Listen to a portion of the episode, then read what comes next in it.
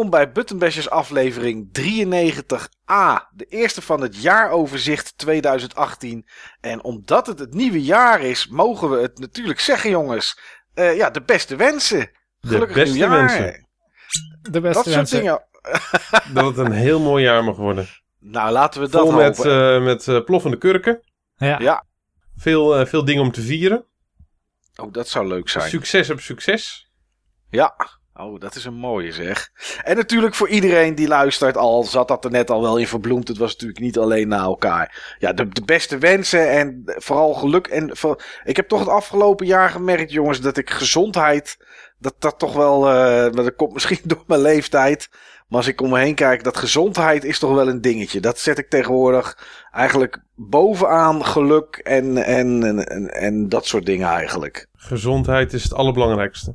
Ja, ja. Ik, ja, eh, ja, ja. ik, geloof, ik geloof absoluut in de maakbaarheid der dingen. Maar Zeker. eh, gezondheid is slechts beperkt maakbaar. Gezondheid is toch voor een heel groot deel gegeven. Ja, ja, ja, ja, ja. Dat is, eh, sommige dingen kan je, kan je echt helemaal niets aan doen, hoeveel geld je ook hebt, zeg Nee. maar. Nee. Soms zijn dingen of mensen zijn eh, op. Nou ja, goed. Dat, eh, ja, dat is hoe het werkt. En eh, zo is het ben jij zo iemand die het geluk in de kleine dingetjes zoekt of zo? Eh, nee, eigenlijk niet. Hoe, hoezo dat, eh, Niels? Oh, omdat ik dacht geluk dat je dat kon maken. Dat vind ik gemakkelijker met de kleine dingetjes dan de grote. Eh, beide, zijn, beide zijn maakbaar, maar grote dingen zijn vaak optelsommen van kleine dingen. Jammer dat pech niet maakbaar is trouwens. Oh, pech is zeker ook maakbaar hoor. Oh, zeker hoor. Steek maar eens twee, eh, steek maar eens, steek maar eens twee schroevendraaiers in het stopcontact. Pech, is, eh, pech is zeker eh, maakbaar. Ja, Maar eh, joh, ik, ik, ik, ik blijf erbij. Grote dingen, dat zijn gewoon vaak collecties met kleine dingen. Grote verandering is vaak een collectie ehm, opgestapelde kleine verandering. Klinkt heel filosofisch, maar ik, ehm, ja, ik, ik, ik, heb- ik heb toch wel echt heel veel geleerd dit, dit jaar. Echt, ik denk dat ik, dat ik er ergens deze uitzending nog wel op terugkom. Oké. Daar is vast ergens nog wel een moment voor. Ik heb Ja, nog een kleine verandering ook. Oh, in je leven of, of nou wat? ja, nou, valt wel mee. Een cijfertje is Oh. veranderd. Oh, Mijn eh, fles Bowmore 12 van vorig jaar is nu Ja. 13. kijk. Dat, is een klein ja. ding, dat is een klein dingetje wat misschien toch wat geluk brengt, Niels. Inderdaad. Dus als je af, Is af en die toe... nog net zo lekker? Is die lekkerder? Is die minder lekker? Ik ga het proberen.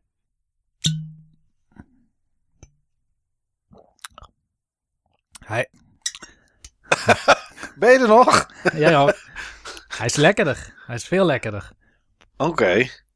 Ja, Maar wat alle- is het eigenlijk? Is dat, dat is wij geen... toch ook? Wij zijn toch ook veel lekkerder? Ik ben veel lekkerder. Je bent in ieder geval meer beleger, inderdaad. Ja. Even kijken. Nou, wat is het? Het is een single malt Scotch whisky uit Oh, de whisky. Islay-streek. Oké. Nou, het zegt mij niks, maar ik onthoud in ieder geval wat 12 was, is nu 13. Misschien heb ik dat vorig jaar ook gezegd, maar een Islay whisky. Dat betekent dat het een eiland whisky eh, is. En dat Oh. geeft hem een, eh, een zildige smaak. Dat is waar, dat klopt. Ik heb dit ooit wel eens eerder gehoord, maar ik weet niet of dat vorig jaar was. Dat Ja. zou goed kunnen. Dat zou heel goed kunnen. We, doen dit, we doen dit lang genoeg, dus op een gegeven moment word je gewoon een collectie herhalende soundbites. Dan weet je ook De- dat je oud wordt. Ja, deze uitzending hebben we ook niet opgenomen. Die heeft Niels gewoon geknipt uit allerlei andere afleveringen. Ja, ik, eh, ik voel mezelf inmiddels ook echt officieel oud, jongens. Oh, Ehm, ik heb iets gedaan wat ik nog nooit eerder heb gedaan. Ehm, Oké. Ik heb mijn PC weggebracht vanwege een softwareprobleem. oh, ja, in plaats van dat je het zelf oplost bedoel je. Ja, in plaats van dat ik het zelf eh, oplos. Oké. Dat vond ik En zeer zijn- vervelend. Ik nou, ik zou je zeggen dat dit jaar heb ik dat ook een keer gedaan. Terwijl dat, nou, het is niet echt mijn werk meer om PC's te repareren, maar ik steek ze wel altijd zelf in elkaar. En vroeger was dat wel mijn werk. Maar ik heb dit jaar ergens een keer een stroomdip gehad. En Ja. eh, dat was echt eh poef poef, zeg maar, qua snelheid. En toen eh, startte eigenlijk alles in huis gewoon weer op, behalve mijn PC. En toen had ik zo geen zin om daar zelf naar te kijken. Eh, maar Dus dat toen- klinkt toch eerder als een hardwareprobleem. Ja, was het, eh, was het ook. Maar goed, ook dat zou mijn, eh mijn Ja, dat ding zou, je zijn. makkelijk, dat zou jij makkelijk kunnen inderdaad. Ja. Maar ik had geen zin om memory eruit te halen. Om de voeding los en een videokaart eruit. En kijken wat voor piepjes ik kreeg. En dat soort dingen allemaal. Ik had er geen zin in. Dus toen heb ik hem ook weggebracht. Ja, ja dus ik, Ik, denk, dat, het- ik denk dat het een levensfase is, Mike. Nou, het, het komt ook omdat ik dan denk... Oké, vroeger had ik echt gewoon... Ja, had ik nog wel twee voedingen liggen. Een nieuwe videokaart, memory, processortje hier en daar. Maar dat heb ik allemaal weggedaan, joh. Omdat het toch alleen maar ligt te verstoffen. Dus ja, weet je... En Bianca heeft een laptop. Ja, daar kan ik moeilijk de voeding uithalen. Dus ik heb ook niks om te swappen. Dus ik dacht, nou, weet je, ik breng hem weg. Maar goed, uiteindelijk eh, was het iets kleins. En kostte het me, geloof ik, 35 euro. Oh, prima. Dus nou, dat was te doen. Maar Dat zijn ze er bij jou al achter wat het is, eh, Steve? Eh, ik heb hem gisteren weggebracht. Oh, Oké, oké, oké. Nou. Laten we hopen dat het snel is opgelost en voor niet te veel geld. Dan is dat weer het eerste gelukje van het jaar. Ehm, ja, een lange uitzending. Daarom is dit eh, deel A van het jaaroverzicht. Eh we hebben Game Talk. We hebben eh, praten over Secret Santa. wat we goed vonden van het afgelopen jaar. Wat we niet zo goed vonden. Nou ja, er is van alles wat. En ja, laten we maar snel beginnen, jongens. En dat is dus als eerste met de Game Talk.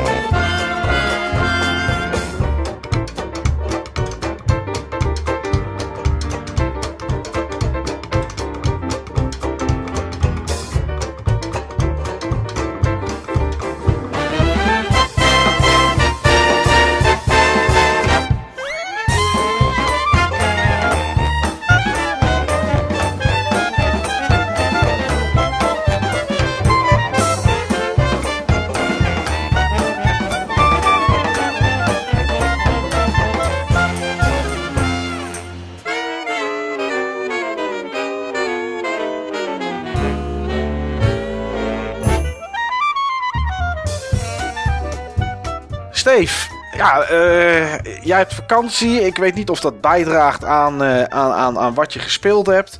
Maar eh, ja, vertel eens, wat, wat heb je gespeeld? Ik heb iets meer gespeeld dan, dan in de rest van het jaar vanwege mijn vakantie. Kijk, dat is lekker. Ehm, maar lang niet zoveel als tijdens vorige vakanties. Ik had Hmm. iets korter vakantie en ik had gewoon echt heel veel afspraken staan. Ja. Ehm, het vloog om. Het, het ging echt heel hard. Ja. Er zijn een paar dingen die ik eruit wil lichten. Mhm. Ehm, vooral dingen die ik met andere mensen gespeeld eh, heb. Ja, dat is altijd leuk. Ehm, ik had een tijdje geleden, had ik zeg maar hier Martijn over de vloer. Wel Eh bekend, Mother Brain. ja, wel bekend Ja. Van, eh, van de podcast. Ehm, die had iets te vieren. En dat wou hij graag met mij doen. Nou, daar zeg ik altijd ja tegen. Tuurlijk. En voordat we dat gingen doen, gingen we nog eventjes gamen. En Martijn die wou per se op de Mega Drive gamen. En hij wou per se samen met mij World of Illusion uitspelen. Zeg maar Mickey en Donald. eh, ja, ja, ja, ja, die Ja. Mickey Mouse ding. Ja, ja, ja, de ja. opvolger Oh, dat is van die ene Castle. die co-op kan. Dat is die ene die koop kan, inderdaad, ja. En ehm, ik had die wel eens eerder gespeeld, koop. En bij de eerste hindernis, echt gewoon bij de eerste hindernis, kwamen we al vast te zitten. Omdat we niet wisten van hoe we daar, ehm, hoe we daar verder ehm, konden komen. Ehm da- daar moet zeg maar eh, Donald door een gat en dan moet Mickey dan Donald doorheen shoren. En hoe dat werkt, dat staat ook uitgelegd in de handleiding. Maar die hadden we niet gecheckt. Dus we kwamen gewoon niet op die knop hoe dat ging. Ah, is echt, echt, oké. echt, echt heel stom. Nou, met Mar- Martijn, die kende die game. Dus daar, die hindernissen waren we al voorbij. En, ehm, ja, en, en voor de rest ging het best, eh, best rap allemaal. Eh, want het is gewoon een hele makkelijke game. Dit is echt een makkelijke game. Ik vond het ook gewoon niet leuk hoe makkelijk het was. Het was echt een beetje een, een kindergame in veel Beetje opzichten. te simpel. Castle of Nee. Illusion is dat niet. World of Illusion is dat wel. Mits je Maar- uiteraard de handleiding leest. Ja, dat, dat inderdaad, ja. Maar Ehm, op een gegeven moment moesten we die game pauzeren. Want ik had gereserveerd om een bepaalde tijd. ehm, bij, een, eh, bij een chic restaurant waar Martijn graag per se naartoe eh, wou. En we hadden gekozen voor zeg maar een, eh een zes gangen diner. Oké. En ehm, ter plekke eh, kozen we ook voor een bijpassend wijnarrangement bij elke gang. Oh. En ehm, ja, het was echt super lekker. Ik vond het echt een hele beleving. Maar dat hakte er wel in, kan ik je zeggen. Oké. Dus eh, Had je die bij voelde elke gang een glas wijn? bij elke gang een glas wijn. En dat zijn dan zeg maar geen, ik, ik noem het maar eventjes, geen volle glazen. Niet zoals ik ze thuis inschenk. Nee, oké. Maar vol genoeg hoor. Oké. Toen eh, liepen jullie in je eigen World of Illusion, of niet? Eh, nog net niet. Toen liepen we in onze, in ze, onze jolige world, noem ik het maar eventjes. Ja. Maar behalve dat Martijn per se met mij naar een ehm chic restaurant wou, wou die ook per se met mij, zeg maar, een cocktail gaan drinken. Mm, En er was juist, zeg maar, een paar weken daarvoor een cocktailbar in Gouda eh, geopend. Dus dat ging goed. Daar was in voorzien. ja. Alleen, eh, ja, eh, één cocktail. één cocktail bestaat niet. Eén Oké. cocktail, dat is hetzelfde als één chipje of één bonbonnetje. Oh ja, nee, dan, dan- als je die vergelijking maakt, dan kan ik daar helemaal in komen, inderdaad. Ja. Ja, dus dat werden meerdere cocktails. En daarna liepen we wel in onze eigen World of Illusion. En, Moest Martijn eh, jou dan ergens onderdoor sjorren? Of viel het wel mee? misschien dat hij dat gedaan heeft. ik had er, eh, ik had waarschijnlijk geen nee gezegd. maar eh, nee, ik, eh, we kwamen op een gegeven moment thuis aan. En toen gingen we weer verder. Maar ehm, dat was toch geen simpele kiddie game meer. Oh, toen was die wel in één keer Ja, dat was echt gewoon Dark Souls, jongen. ja, dat was echt, dat was gewoon echt niet te doen. Echt, eh, eh, die sprongen. Oh, elke sprong was echt gewoon een leap of fate. Had je ook niet van die, van die whip-achtige mechanismen dat je elkaar moest katapulteren? Eh, ja, ja. Alleen, of we ze op dat moment nog tegenkwamen, dat kan ik me niet meer herinneren. Ik kan me wel herinneren dat we binnen vijf minuten de Mega Drive hadden uitgezet. Dat we, gezamenlijk, dat we gezamenlijk tot de conclusie waren gekomen dat dit echt niet ging. Nou ja, je hebt in ieder geval lekker gegeten en gedronken. Dat zeker. En eh, ja, ik, ik heb toch ook nu ook geleerd van als je zeg maar een beetje beschonken thuiskomt, dan heb je gewoon een, ja, een, een gamebob nodig. Ja, Die dan eventjes voor jou World of Illusion uit gaat spelen. Inderdaad. Als, als, het, als het een makkelijke game is als je weggaat en een moeilijke game is als je terugkomt, dan, eh, dan weet je dat je Ja, dat was gewoon niet te doen. Dus dat was een leuke avond.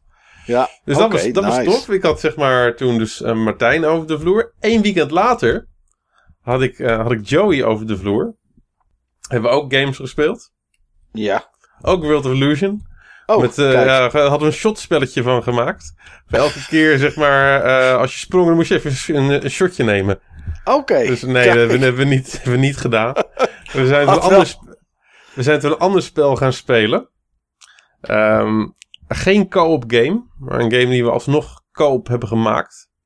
Eigenlijk gewoon ja, ja, eh, om en om spelen. Gewoon old school rules. Ga Ja. je dood controller eh, overgeven. Splatterhouse op de PC Engine. Oh, dat is een toffe game. Ja, dat was echt gaaf. Dat was echt gaaf. Eh, ik had het wel eens eerder gespeeld, maar nog nooit zo ver gekomen. Nee, hij is echt wel pittig hoor. Ja, die is echt wel, is echt wel eh, eh, lastig, inderdaad, ja. Ja, ja, ja. Dus, Tot hoe ver zijn jullie gekomen? Heb je hem uitgespeeld? Nee, maar we zijn gekomen tot een, eh, tot een baas die op een gegeven moment op je af komt lopen met twee kettingzagen en een zak over zijn hoofd. Oh, die ken ik wel. Dat is in een level waar ook shotguns en zo liggen volgens mij, of niet? Ja, klopt. Ja, ja, ja, ja, ja. Ja, die ken ik. Die hadden we ook zeg maar strategisch proberen te bewaren tot, eh, tot aan die baas. Ja. Met, eh, en als we dan daar met een eh, shotgun aankwamen, dan was de gevleugelde spreuk: Pomp hem vol! Pomp hem vol! Maar hij was toch te sterk dus, als jullie, als jullie daar gestrand zijn. ja, ja, met, eh, met de hoeveelheid kogels uit die shotgun eh, kregen, we hem niet, eh, kregen we hem niet dood. Nee, dat is, Op- het is echt heel pittig. Ja, ja. maar op een gegeven moment was het me gelukt. Ja, euforie. Ja, Euforie. uiteraard. Het voelde echt gewoon als ik, alsof ik het eh, Europese kampioenschap eh, Splatterhouse had gewonnen. In de finale tegen Duitsland, 2-1. 2-1, ja, mooie score. Ja. Dus eh, nee, dat was, eh, dat was tof. Dus dat waren, ehm, waren een paar mooie retro ervaringen met mensen die me dierbaar zijn.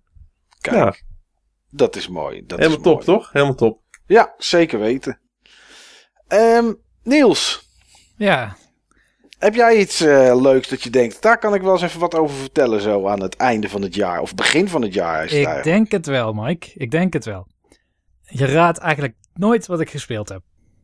Ik heb eh, een game gespeeld die Maar je nooit- geeft me niet eens de kans. Nou, oh, oh, je maar. gaat er nu iets over vertellen. Oh ja, oké. Kom maar. Nee, ik heb, ehm, ik heb mijn, mijn gameverzameling opgeruimd. Oké.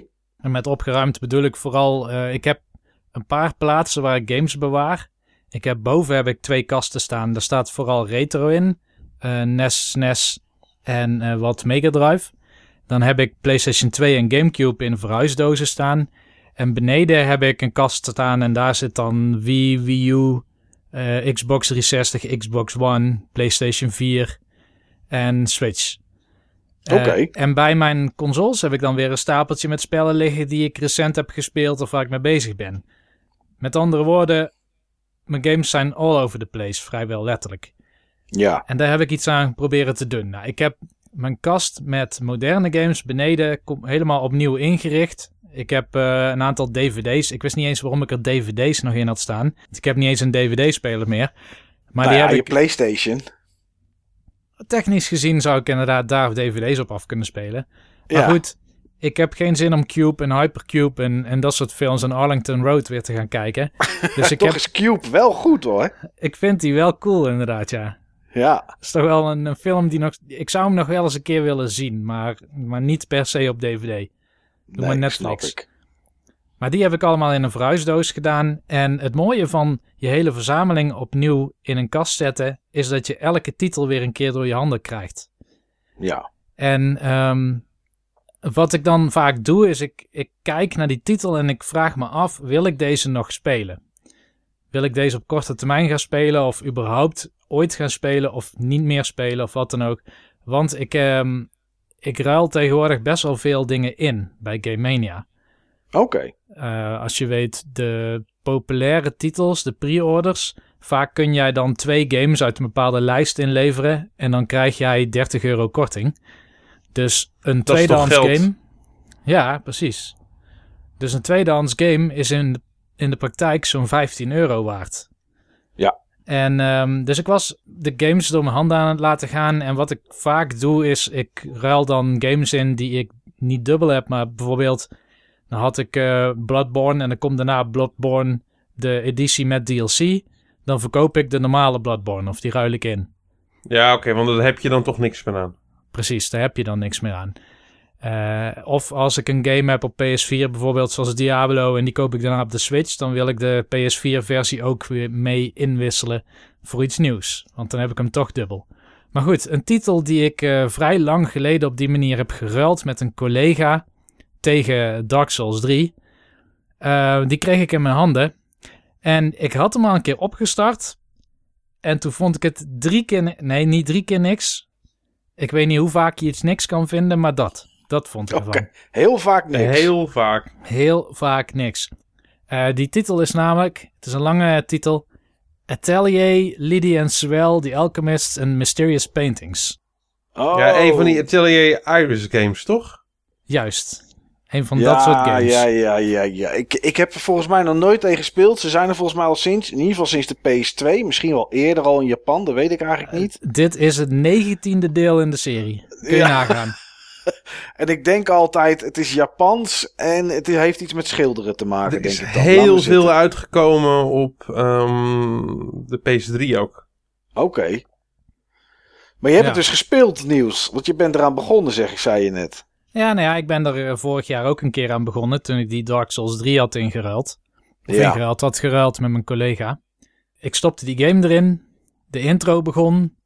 Eh, het ging over twee meisjes, Lydia en Suel. Het zijn alchemisten. Eentje begint te praten. Ik hoor... Ik druk op home, quit application, haal de cartridge eruit en ik ben gestopt. Ik trek daar gewoon niet. Oké. Eh, maar ik denk alleen niet dat uh, Game Mania die heel graag terug wil. Uh... Nou, deze games zijn best wel waardevast. Dat wist ik ook. Daarom had ik deze nog niet ingeruild. Toen heb ik eerst andere games ingeruild die veel sneller in prijs dalen. Ja. Ehm, maar in ieder geval, eh, dus ik dacht, ik ga de game nog één kans geven. Eh, deze keer ga ik hem zeker op de in te ruilen stapel leggen of bewaar ik hem toch. Ik ben hem gaan spelen en ik heb zeven uur gespeeld. Oké. In twee dagen. Het is op een of andere manier toch gaan klikken. En er was één ding voor nodig. En dat was voiceovers uitzetten. Ja. Wat is het? Want ik weet echt niet wat. Ja, volgens mij is het Het is met alchemie, toch? Ja, het is alchemie inderdaad. En eh, dit is trouwens het derde deel van een trilogie. De andere twee games, daar heb ik nog nooit van gehoord. Ik stap ook zomaar ergens in, maar volgens mij is het helemaal niet erg dat je met het derde deel begint. Het enige is dat er bepaalde karakters kunnen zijn die je nog niet kent en die zogenaamd terugkomen als een soort cameo of zo. Ja, daar geef ja, ik toch hoe heette die hoofdpersoon uit, ook, ook alweer uit jouw game? Lydie en Swell. Het, zijn, het is een tweeling. Ja, ik zie hem hier staan. Ja, en de game is eigenlijk niet heel makkelijk te vergelijken. Ik ken niet echt een game die zo speelt. Maar als ik in ieder geval qua feel de vergelijking zou moeten maken, zou ik denken aan Rune Factory. Ik heb daar ook ooit iets over verteld in de podcast. En Rune Factory was een soort eh, Harvest Moon met action RPG dungeon crawling. Ehm, maar in deze game draait het eigenlijk om spulletjes maken met een alchemiepot en daarvoor ingrediënten zoeken in de wereld. Dat zou de, de, de one-liner zijn. Eh, maar je kan niet zomaar iets maken. Je hebt eigenlijk altijd wel recepten nodig. En die recepten die krijg je via sidequests of die ontdek je tijdens het zoeken naar ingrediënten. En tijdens zo'n zoektocht word je ook tegengezeten door vijanden. En daar zit dan een soort turn-based role-playing game system in. Die vrij simpel is. Ik zou er niks van verwachten. Er zit echt nul tactiek in. Maar het is ook weer zo snel voorbij, zeg maar, dat je er niet aan gaat storen. Dat het vrij mindless is. En ehm, ja, die twee karakters die spelen daar een rol in. Die hebben dan in één keer wapens die je niet bij ze voor zou stellen. Want de ene die heeft een soort staf. Dat, dat snap ik dan nog wel ergens. Maar die andere heeft gewoon twee pistolen. Oké. En later sluit er dan nog een kerel aan, Matthias. Die wordt nu geïntroduceerd als een soort prins. Maar het is niet helemaal duidelijk wat hij voor iemand precies is. En die, dat is meer een soort van standaard zwaardvechter. Dus er gebeurt niks spannends om dit, op dit front. Maar het, eigenlijk draait het dus gewoon om craften. En de lol van het ontdekken van recepten. En het maken van spulletjes en dat zo goed mogelijk doen. Want ehm, ja, aan de ene kant heb je een recept dus nodig.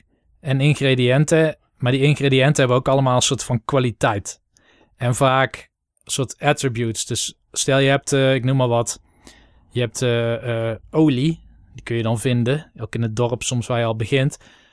Maar die, niet alle olie is hetzelfde. Je hebt olie van een hoge kwaliteit en van lagere kwaliteit. Je hebt olie die bijvoorbeeld je HP bufft. En je hebt olie die ervoor zorgt dat je meer geld verdient per battle. Dus er kan van alles in die ingrediënten zitten. En ehm, je kan pas iets maken als jouw alchemie level hoog genoeg is. En je alchemie level die stijgt in zekere zin gewoon door het maken van veel spulletjes. Dus craften en zoveel mogelijk craften is sowieso positief. Want daardoor stijg je in level. En in level stijgen zorgt ervoor dat je weer moeilijkere spulletjes kan doen. Of nieuwe ingrediënten kan gaan proberen. Of ingrediënten en nieuwe recepten kan gaan proberen. Maar craften is niet zo makkelijk als, ehm, als eh, eh, vier dingetjes in een soort box stoppen en dan wachten tot er iets uitkomt. Want het is een soort puzzeltje. En, en dat vind ik wel grappig gedaan. Je moet dan denken aan een soort van tangram met Tetris-achtige blokken. Elk ingrediënt is een bepaald vormpje. En dan moet jij op een soort grid zien te passen. En die vormpjes hebben ook verschillende kleuren. En bepaalde tegeltjes in dat grid, die geven een bonus als je daar een bepaalde kleur op legt. Dus je bent vooral vormpjes aan het passen, aan het draaien, aan het meten, totdat jij een soort optimale score kan bereiken. Want hoe beter jij dit tangram passend maakt, des te hoger is de kwaliteit van jouw eindproduct. Uh, mogelijk uh, hoeveel XP je ervoor krijgt, Misschien zelfs verkoopwaarde, dat heb ik eigenlijk nog niet getest. Maar het is dus iets ingewikkelder dan zomaar wat spulletjes bij elkaar mikken. En bovendien kun je die bonusvlakjes ook nog eens bewerken met uh, zogenaamde catalysts. Oké, om het te versterken. Ja, maar het is wel moeilijk, vooral voor mij, want ik ben kleurenblind. En ik zei al, het gaat om kleuren. Oh. Je hebt rood, groen en oranje en bruin. En dat zijn allemaal dingen die ik gewoon niet zo makkelijk uit elkaar kan houden. En is het niet een optie in uh, voor kleur, kleurblindheid? Oeh, dat zou ik eens moeten testen. Dat zeg ja, je niet. om, als het zo geënt is op kleuren, zou het zomaar kunnen zijn dat het er wel in zit. Ja. Dat zou wel slecht zijn hoor, als dit niet zeg maar instel is. Ja. Maar ik vind uh, in ieder geval sowieso de art best wel mooi. Het is even wennen, want het is allemaal heel cutesy. De, het stijltje is, uh, is behoorlijk Japans. Um, ook qua... Er zitten ook heel veel cutscenes in, dat is best wel vervelend. Je kan eigenlijk bijna niks doen of het triggert een cutscene... waar normaal die poppetjes in gaan praten. Maar dat staat dan uit. Maar het is wel echt heel mooi gemaakt op een bepaalde manier. Um, het ziet er heel oneven uit. De omgevingen zien er soms super, super flats uit. Maar op een of andere manier werkt het wel. En ik denk gewoon dat het hele lage uh, budgetproducties zijn. En dat ze gewoon goed weten wat werkt bij hun doelgroep. Het is overigens van dezelfde makers als die Knights of Azure waar ik het laatst over had. Oké. Uh, je hoeft niet te zoeken, er zit geen colorblind mode in. Oh, dat is, uh, dat is vervelend vind ik hier, uh, vind ik hier terug in een review. Misschien dat ze die met een update toegevoegd hebben. Dat zou natuurlijk kunnen. Ja. Maar ik zie hier een, een review van 25 januari 2018. En nee, daar zat geen colorblind mode in op dat moment. Maar, maar is het nou een game waar het gaat om het verhaal? Is het een game waar je items moet craften zodat je het verhaal en de battles kan volgen? Of moet je de battles en het verhaal volgen zodat je dingen kan craften? Wat is, of, of is het nou, niet zo zwart-wit? Er zit wel een verhaal in. Er zit een soort chapterstructuur in. En die chapters die worden vooruitgestuwd door uh, eigenlijk ja, een soort systeem wat erin zit. Ik zou het even uit moeten leggen waar de game over gaat dan. Um, want je bent dus Lydia en Suel, die tweeling. En die wonen in een soort... Ja, het is Koninkrijk Adalet, heet het. En dat is een Japanse benadering van een Spaanse kuststad. Ik kan het niet beter noemen dan dat. Okay. een Japanse benadering, omdat het gewoon eigenlijk gewoon geen Spaanse kuststad zou zijn. Uh, behalve dat het hun idee is van een Spaanse kuststad. Uh, kuststad. Ja, dus het heeft precies. heel veel terrasjes. Japan heeft heel weinig tot geen terrasjes, zeg maar. Denk dat ze ooit uh, foto's hebben gezien of iemand heeft het bezocht. Dacht, hé, hey, er zijn veel terrasjes. En sindsdien heeft elk huis zo'n beetje een terrasje in zo'n spel. En, uh, en de kerk staat op een berg. Dat is ook wel een goeie. Oh ja, dat is ook wel Spaans. In Japan staan alle tempels altijd op een berg of ergens hoog. En dan hebben ze gedacht, dat zullen ze in Europa ook wel doen. Dus ja. hebben ze die kerk gewoon ver weg uit het dorp uh, op een berg geplaatst. En in Europa is het juist gebruikelijk dat de kerk het middelpunt van een dorp is. Ja. Dus het is precies andersom. Maar goed, um, in principe bestaat dat Adelet maar uit een paar straten, een kerk dus, een kasteel en een soort plein. En op dat plein kun je ook sidequests doen. Daar hangt een soort prikbord met allerlei missies. Die zijn timed. Kan bijvoorbeeld zijn dat je vier ingrediënten moet leveren of je moet twee koekjes fabriceren en inleveren en dan krijg je daar geld. En geld kun je weer gebruiken bijvoorbeeld om betere wapens te kopen, ik noem maar wat. Maar um, uh, het verhaal is dat er een soort Alchemist ranking systeem wordt geïntroduceerd in Adelet. Er komen ook allerlei nieuwe Alchemists op af. En het is een ranking systeem waardoor mensen ook beter de kwaliteit van een alchemist kunnen inschatten. Dus die Lydia en Suel, die hebben helemaal geen ranking, maar die, ja, het is ook niet de beste alchemie studio, zeg maar. Ze kunnen pleisters maken en dat soort dingen, maar veel ingewikkeldere dingen dan dat niet. Dus ze willen gaan trainen en in les bij een uh, betere alchemist om te stijgen in die ranking. En elke keer als jij een stapje stijgt in die ranking, dan gaat het verhaal ook weer verder. Ah, oké, okay, ik snap het. En er zitten ook wel verhalen gekoppeld aan sidequests die er voortdurend overal zijn. Um, en er zijn verhaalbeats gekoppeld aan wanneer jij een level omhoog gaat met jouw alchemie uh, uh, winkel, zullen we het maar noemen. Maar dat zijn soort parallelle verhalen. En volgens mij kun je het gewoon uitspelen zonder dat je zo hoog mogelijk alchemy level bereikt. Ja, oké. Oké, nou ja, daar was ik wel even benieuwd naar inderdaad. Wat, het dan, eh, wat dan de drijfveer is van, eh, van die game. Maar zijn, zijn al die atelier games zo dan? Dat je overal dingen moet alchemieën? Ja, schijnbaar is, is dit gewoon de core van die serie. En die werkt al 19 delen. Er komt zelfs een twintigste deel aan dit jaar. Ehm, die sluit weer aan bij een trilogie die al lang geleden afgerond is. Die trilogie is net opnieuw uitgegeven op de consoles, de huidige consoles. Ehm, ik sta niet te springen om die al te kopen, moet ik zeggen. Al is dit tot nu toe best wel leuk om te spelen. Het is een hele rustige game, maar het duurt ook 60 uur. Dus Oké. ik vind het een behoorlijke hap, zeg maar. Ik heb liever Ja. dat zo'n game een uur of twintig duurt. En dan vind ik het wel weer goed. Hm, snap ik. Maar ja, de, kijk, de, de karakters zijn echt mierzoet. Daar moet je echt tegen kunnen. Ehm, de verhaaltjes die zijn ook super mierzoet. Daar moet je ook maar net allemaal tegen kunnen. Eh, en als de voiceovers dan uitstaan, dan is in ieder geval die gameplay loop voor mij persoonlijk dan interessant genoeg om eh, die game door te spelen. Ja, dus dat gaat ook wel gebeuren waarschijnlijk. Ik denk het wel. Of dat ik dat in één ruk doe, denk ik niet. Ik denk dat ik een soort pauze ga nemen rond de helft of zo. En dan weer andere dingen ga spelen en dan weer later terugkeer. Maar het is in ieder geval een game die ik niet op korte termijn ga inruilen tegen iets anders. Oké, nou. Maar wel leuk om dus tijdens het opruimen toch iets tegen te komen wat niet beviel. En toch even proberen en in één keer wel bevalt. Ja, zeker. Zeker. Oké, grappig. Ehm, ja, een game waar ik het over wil hebben is, ehm, is Celeste. En dat is een, eh, een, ja, een, platformer uit 2018.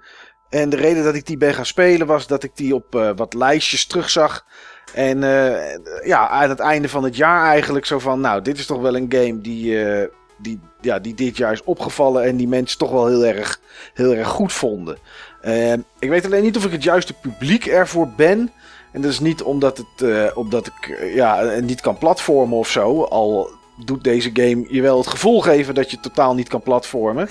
Ehm, maar het is, het is, ja, er, er zit een, het is een indie game en er zit een wat, eh, ja, er zit een problematiek achter van een, van een meisje die, eh, ja, die, die geestelijk een beetje in de war zit. En eh, ja, met depressie en, en dat soort dingen allemaal. En eh, ja, goed, dat is. Ik wil best een game spelen waar een mooi verhaal in zit. Zoals bijvoorbeeld een Red Dead Redemption 2, om maar iets te noemen.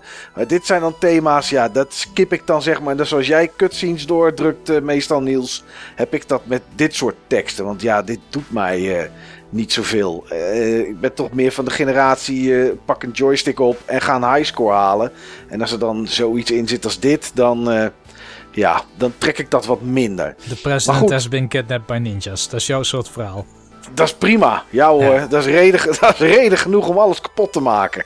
Nee, ja, nee. Het, het, het- weet je, games speel ik omdat ik dan lekker even kan ontspannen en in een andere wereld kan duiken waar geen... Het mag wel gemekker zijn, maar dan gaan we dat wel oplossen in die game. Maar dit is dan, vind ik, ja... Is voor mij dan net even te zwaar. Dat ik denk, oké, hier zit ik niet helemaal op te wachten. Maar goed, eh, het maakt de game niet minder frustrerend. Laat ik het zo zeggen. Ik wou bijna zeggen leuk, maar dat is het niet. Eh, Celeste is een, ja, als je het zou vergelijken met andere games, kom je uit bijvoorbeeld bij Super Meat Boy. Het is zo'n soort platformer waarbij je in het begin denkt, oh, nou, dit gaat nog best redelijk af.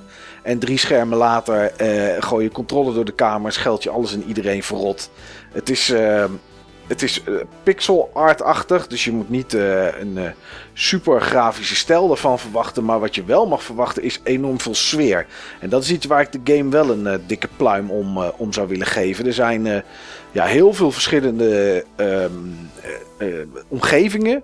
En dat, ja, dat, dat merk je wel. Je merkt het aan de muziek. Je merkt het aan eh, hoe alles eruit ziet. eh, eventueel de snelheid van de game. Er zit bijvoorbeeld een, een level in waarbij je een beetje richting de berg gaat. Want dat is je doel. Je wil naar de top van de berg. En ehm, ja, dan kom je ook wind tegen. En dan merk je dus dat de wind op bepaalde momenten gaat blazen. Waardoor springen en lopen bijvoorbeeld lastiger gaat. Dat soort dingetjes.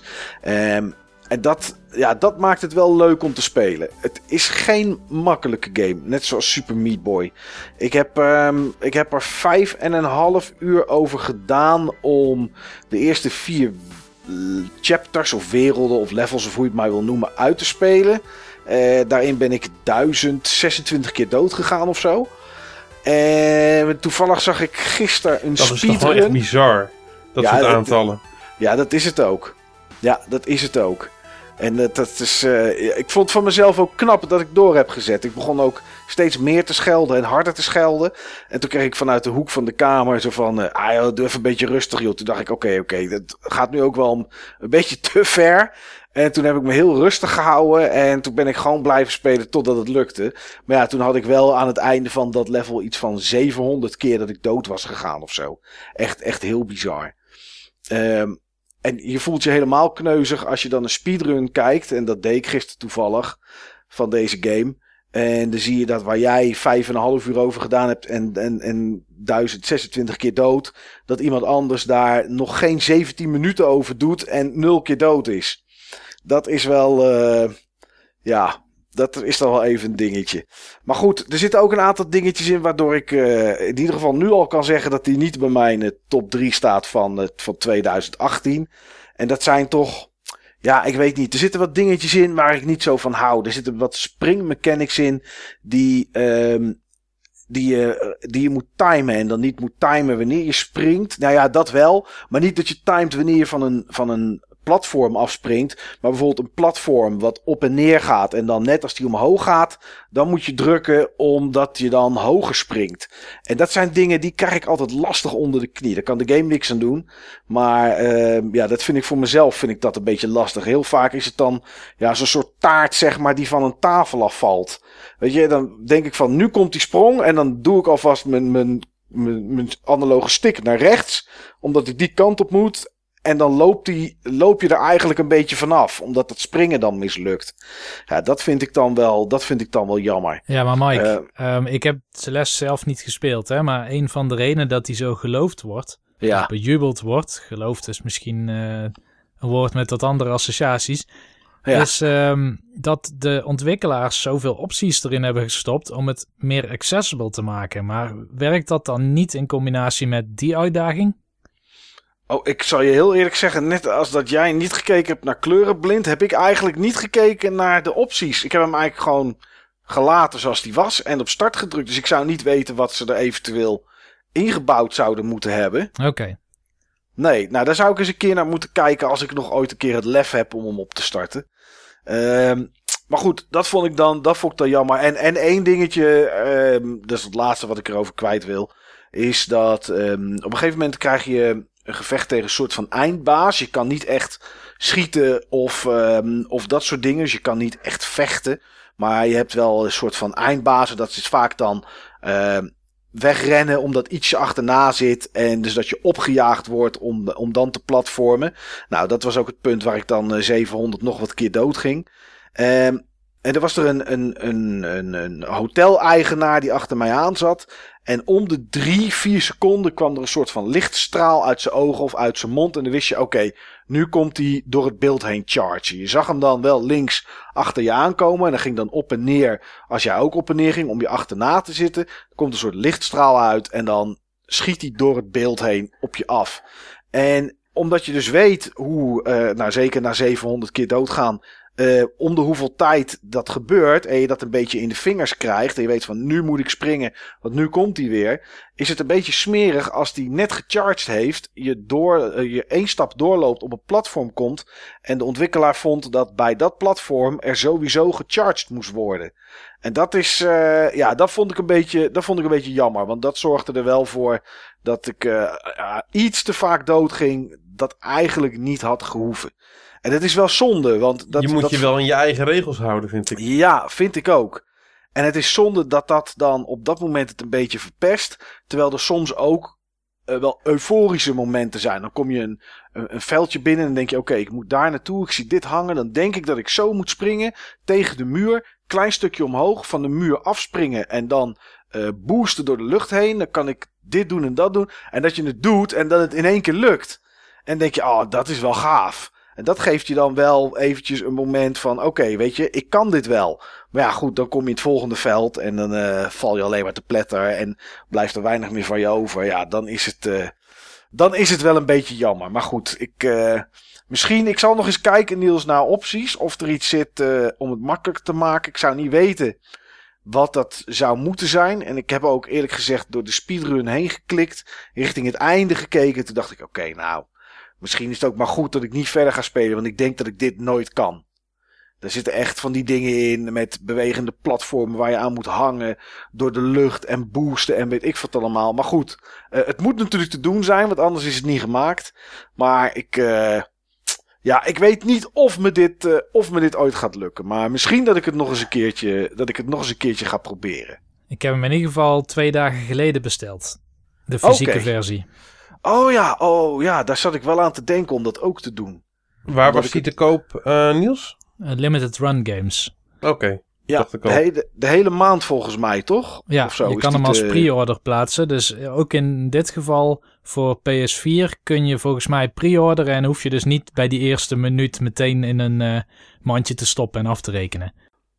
Nee, precies. Dat had ik inderdaad gelezen, ja. Dat je de hele maand dat je hem, uh, dat je hem kon, uh, kon pre-orderen, inderdaad. Het is wel interessant trouwens, dat, dat dat bij Switch dus steeds niet het geval is. En ik heb het idee dat Nintendo dat verbiedt om dat soort uh, kleine oplages te maken om, uh, ja, om demand zeg maar op te drijven. Mm. En dat ze daarom dus bij Switch elke keer pre-orders doen in plaats van die limited demand dingen. Uh, ja. het, heeft, het heeft te maken met de productiekosten. Maar voor de PS4 doen ze het nu ook. Dat is ook pre-order nu. Ja, dat is eenmalig geloof ik dat ze zeiden. Oké, oké, oké. Hmm.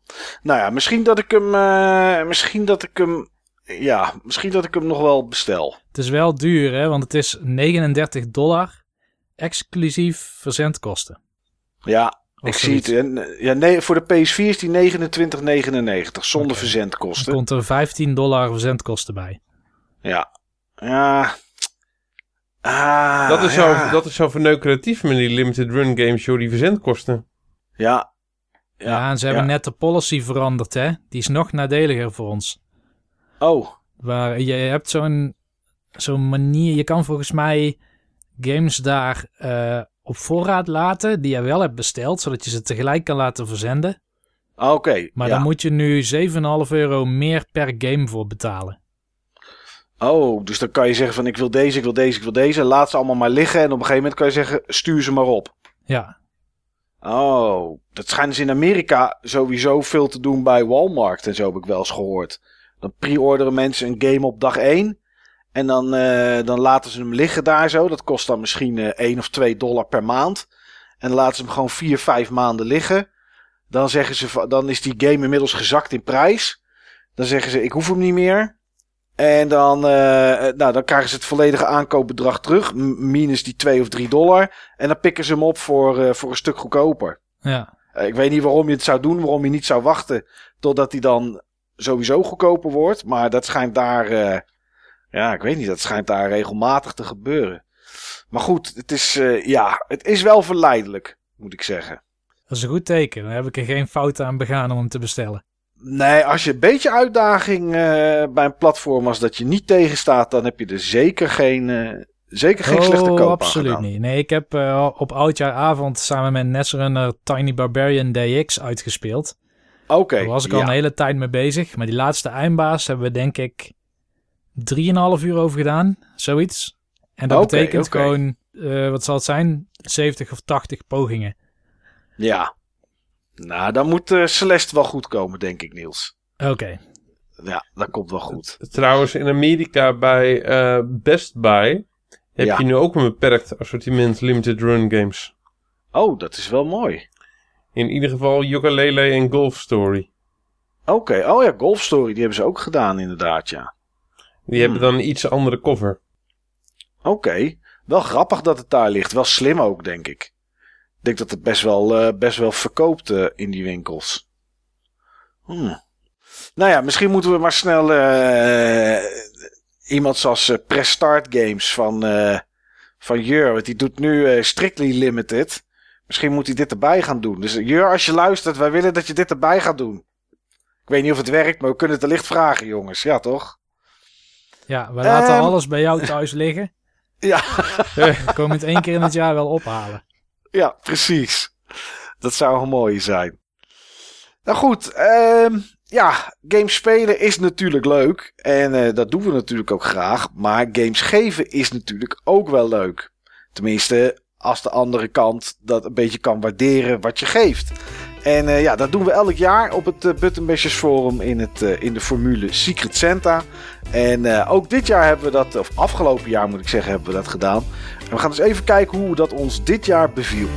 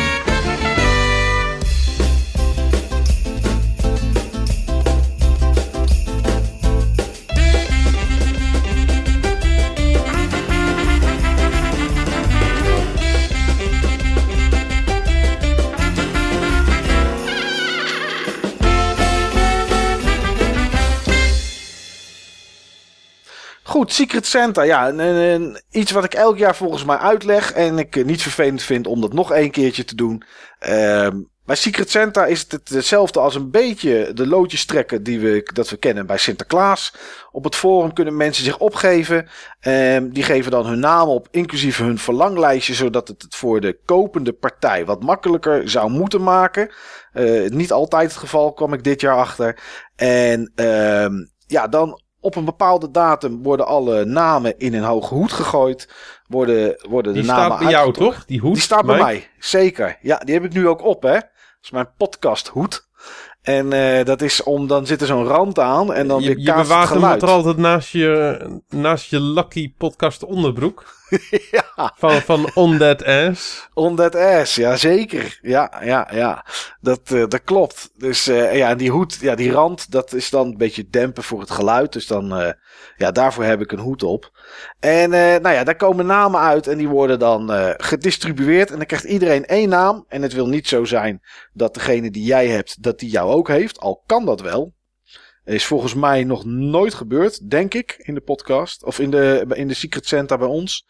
Maar goed, eh, ja, dat is het idee. Je krijgt daarbij het eh, verlanglijstje van diegene, zijn of haar adres. En dan eh, nee, is het de bedoeling dat je iets gaat kopen.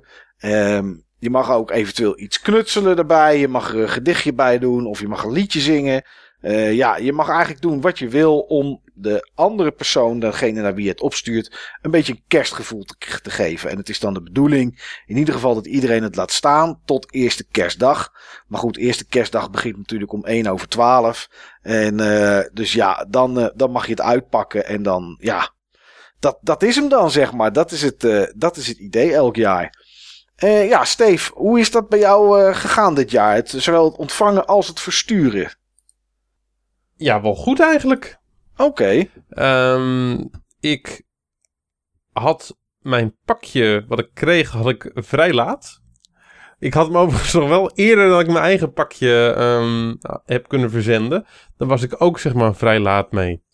Oké. ik, ik ja. had het. ehm, ik neem normaal gesproken altijd wat vakantie in, eh, in- december.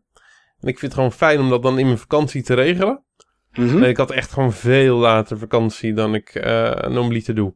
Ik had eh, twee weken later vakantie en ik heb ook een week korter vakantie gehad. Dus had ik me een beetje op verkeken. Oké. Maar hij was er netjes voor de kerst. Ja, ja, het, eh, hij was er netjes voor de kerst en bij degene die ik had ook. Oké, nou kijk, dat is netjes. Dus eh, nee, ik, heb er, ik heb er weer van genoten dit, dit, dit jaar. Ik, ehm, ik heb een uitbreiding gehad op een van mijn favoriete bordspellen voor twee personen. Oké, nice. Seven Wonders Duel. En daar heb ik de uitbreiding Pantheon op gehad van mijn Secret Santa. Oké. Dus daar was ik wel heel blij mee. Dat is die Ehm, game die wij toch een keer bij jou hebben gespeeld, Steve. Ja, klopt. Dat is, dat is die game. En deze uitbreiding voegt zeg maar goden toe. Je kan dan ook zeg maar goden kopen en die goden die geven je bepaalde perks. Hmm, Oké. Oké. Die, eh, die wonderen die geven je een bepaalde perk. En dat doen die goden ook. Ja, ik En vond sowieso komen die duel leuker zelfs dan de main game. Ja, de main game is in sommige opzichten een soort met van geavanceerde versie van Sushi Go. Ja, Eh, dat is gewoon echt kaartjes doorgeven en dan gewoon je plan smeden. En hierbij moet je ook zeg maar kaartjes scoren om vandaar dat je plan te smeden. Alleen eh, wat, wat leuk is aan Seven Wonders is je hebt verschillende roads to victory. Eh, je hebt zeg maar een eh, wetenschappelijke overwinning, een militaire overwinning en een economische overwinning. Economische overwinning is gewoon zeg maar als je het aan het eind van het spel de meeste punten hebt. En eh, een wetenschappelijke overwinning, dan moet je zeg maar bepaalde wetenschapsdingen scoren. En dan moet je er dan. ehm, en als je zeg maar een bepaald setje compleet hebt, heb je gewoon direct gewonnen. En daarnaast is er een soort met van spoor waar je continu op battelt. Ehm, aan het begin van het spel staat hij neutraal. En door zeg maar eh, veldslagen uit te lokken en te winnen, kan je dan zeg maar ehm, steeds een bepaalde pion zeg maar, een bepaalde marker verz- verzetten ehm, de negatieve kant op voor je, voor je tegenstander. En als die zeg maar dan aan het eind van dat spoor komt, heb je ook direct gewonnen. Dus je hebt verschillende manieren hoe je kan winnen. En dat verandert deze, ehm, deze uitbreiding niet, voor zover ik weet. Er komen geen extra manieren om te winnen bij. Maar je kan weer andere strategieën gaan uitvoeren om daar te komen. Ja, het is wel leuk dat het een soort Civilization-achtig spel is, maar je kan het Ja. echt in hele korte tijd spelen. Het is eh, relatief beknopt. Het is uitgebreid. Eh, het is heel tactisch. Maar het is, het is redelijk snel. Dat is, een, eh, ja, dat is een voordeel van die game. Dus, eh, en wat ook een voordeel was. ehm, een, eh, een, een dame die ik hier ken uit Gouda. Die is eh, helemaal fan van, eh, van deze game. Hele leuke dame. En, ehm, ik, en zij wou juist deze uitbreiding nog een keer gaan spelen. Dus dat, eh, dat kan dan mooi hier gebeuren natuurlijk. Ah, dan kan jij eens even laten zien wie haar god is, eh Steve. Ja, dat, dat. En nog een leuk gedicht eh, erbij. Ehm, met de nodige verwijzingen ook naar mijn lijst. Omdat mijn lijst ook lastig was. Omdat mijn lijst eh, zo lang is. Ja, dan doe ik om keuze te geven. Hè? Ja, nee, ja, dat is, eh dat Maak is je het toch heel juist makkelijk goed. mee, hè? Lange lijsten. Ja, toch, Niels? ja. Ja, oké. Ja, Nou ja, degene, degene die ik had, die, eh, die ik getrokken had, die had een wat minder uitgebreid lijstje. Oh, Maar, de- Maar- ah, ah, ik, heb echt, ik heb echt nog meer genoten van het, eh, van het geven of het krijgen. oh, nou dat is sowieso natuurlijk de bedoeling. Maar waarom heb je er meer van genoten, Steve? Omdat ik zo enorm met die persoon heb lopen fucken. en dat woord mag in, dit, in deze context niet weggejoshied worden. Nee, precies. Nee, want het is het juiste werkwoord. Ja, Ik heb echt gewoon met die persoon lopen spelen als een kat met een bolletje wol. oh, dat, is natuurlijk, eh, dat is natuurlijk mooi. Wil je zeggen wie je, wie je hebt? eh? Ja, zeker. Ik had Joey. Oh, kijk. Dat is natuurlijk eh, altijd leuk om mee te fucken. Ja, dat, dat sowieso. Eh, en het mooie was, ik heb Joey zeg maar best wel wat gezien in deze periode. Verschillende keren. Contact met hem eh, gehad. En die weet helemaal niet dat, dat ik zijn Secret Santa was. Oké. Want ik had namelijk, ik had namelijk een, eh, via jou een fake Secret Santa eh, gescoord. Dat klopt, ja. Ja, ja, ja. Jij vertelde tegen mij, hey, Joey komt. Kan je mij een lijstje geven van iemand anders? Want hij gaat op zeker vragen wie ik heb. En dan kan ik hem een beetje, kan ik hem een beetje narren. Ja, binnen vijf minuten, hè? Hij had bij wijze van spreken zijn jas nog aan. Oh, echt waar? En, ja? en hij vroeg het al. Ja, die jongen is zo voorspelbaar. En Desperate. Ja, maar daar had je Oh, dus dat mooi sowieso. op in- had je natuurlijk mooi op ingespeeld dan. Daar had ik mooi op ingespeeld, inderdaad, ja. En ehm, ja, ik, eh, ik, ik had zeg maar ook echt gewoon de cadeaus laten zien. Waar ik zeg maar mee bezig was om, om, eh, om die voor die persoon te scoren. Ja, Zelfs nog een stukje van het gedicht eh, laat, laten horen. Wat ik zeg maar voor die persoon had geschreven. Een paar regels nep gedicht. Dus Oh, ja, Joey, ogen. Joey die vermoedt echt helemaal niks. En ik heb zoveel hints gegeven. Ik heb zoveel hints gegeven. Je kon het gewoon echt van mijlenver aan zien komen. Als je maar zeg maar eh, op de juiste manieren let, op, op de juiste dingen lette. Het was gewoon net de Haunting of Hill House. ja, Maar Joey, ja, eh, Joey die is ziende blind, hè? ja. Horende doof en ziende blind. Dus, eh, Ah. ja, dus eh, het is hem waarschijnlijk nog steeds niet opgevallen dat zeg maar, ehm, ja, de guide die hij eh, heeft gekregen, dat die in net zo'n zak zat als, ehm, als waar ik de guide in bewaarde, ehm, die ik gekocht had van Zelda. Ja, En eh, ik- liet hem namelijk een bepaalde guide zien die ik een tijdje terug gescoord heb. En ik had nog muziek opgezet van, van, van Darksiders 2. Ik had hem ook Darksiders 2 eh, gegeven op de Xbox One. ja. Dus die stond ik op zijn lijstje. Nou, als ik Darksiders 2 op een lijstje zie, dan hoef ik niet meer na te denken wat ik ga geven hoor. Nee, dan wordt het makkelijk. Ja, eh, dus zeg ja. maar, eh, ja, ik eh, eh, muziek op een gegeven moment aangezet toen bordspellen gingen, eh, gingen spelen. Ik zei nog van ja, ja, ik zet nooit game muziek op. Ik zet nooit game muziek op. Echt helemaal nooit. Ik had er Nee. gewoon zin in. Had er Ja. gewoon zin in. Wat vind je er eigenlijk van Darksiders 2? Wat vind je er eigenlijk van? En vervolgens krijgt hij Darksiders 2 en dan ook helemaal geen lijntjes leggen natuurlijk, hè? Oh, oh, oh, oh. En een, mooi, en een mooi gedicht natuurlijk. Ja, natuurlijk. Dat hoort En een erbij. mooi gedicht. Dat ga ik natuurlijk wel weer voordragen. Nou, ik ben benieuwd. Daar gaan we hoor. Joey is in de podcast op zijn tijd vaak het voorwerp dat leidt. Veel mensen vinden dat soms sneu. En Joey is dat ook wel eens beu. Maar wie Joey kent, weet het is terecht. Wat er allemaal over hem wordt gezegd. Die jongen heeft een geschiedenis. En daarin gaat vaak van alles mis. Iedereen keek naar de BB-dagfinale uit. En was benieuwd wie er vandoor ging met de buit. Maar Joey stak daar, sneller dan een record, graag vliegensvlug een stokje voor. Joey maakt finales graag snel finaal. En wordt daarbij soms suicidaal. Dat levert alleen geen resultaat als je op dat moment achter staat. Hij woont ook nog eens in een gehucht dat hij dan maar af en toe ontvlucht. zodat hij met zijn buddies rond kan gaan hangen om op straat Pokémon te gaan vangen. Pokémon Go, dat is toch passé. Aan die hype doet toch niemand meer mee. Maar Joey speelt, net als een klein kind, door dag en dauw en weer en wind. Maar met de cadeaus uit je pakket kun je binnen blijven en op een andere manier je tijd verdrijven. Misschien dat je hiermee wat nieuwe dingen leert en daarmee in de toekomst wat beter presteert.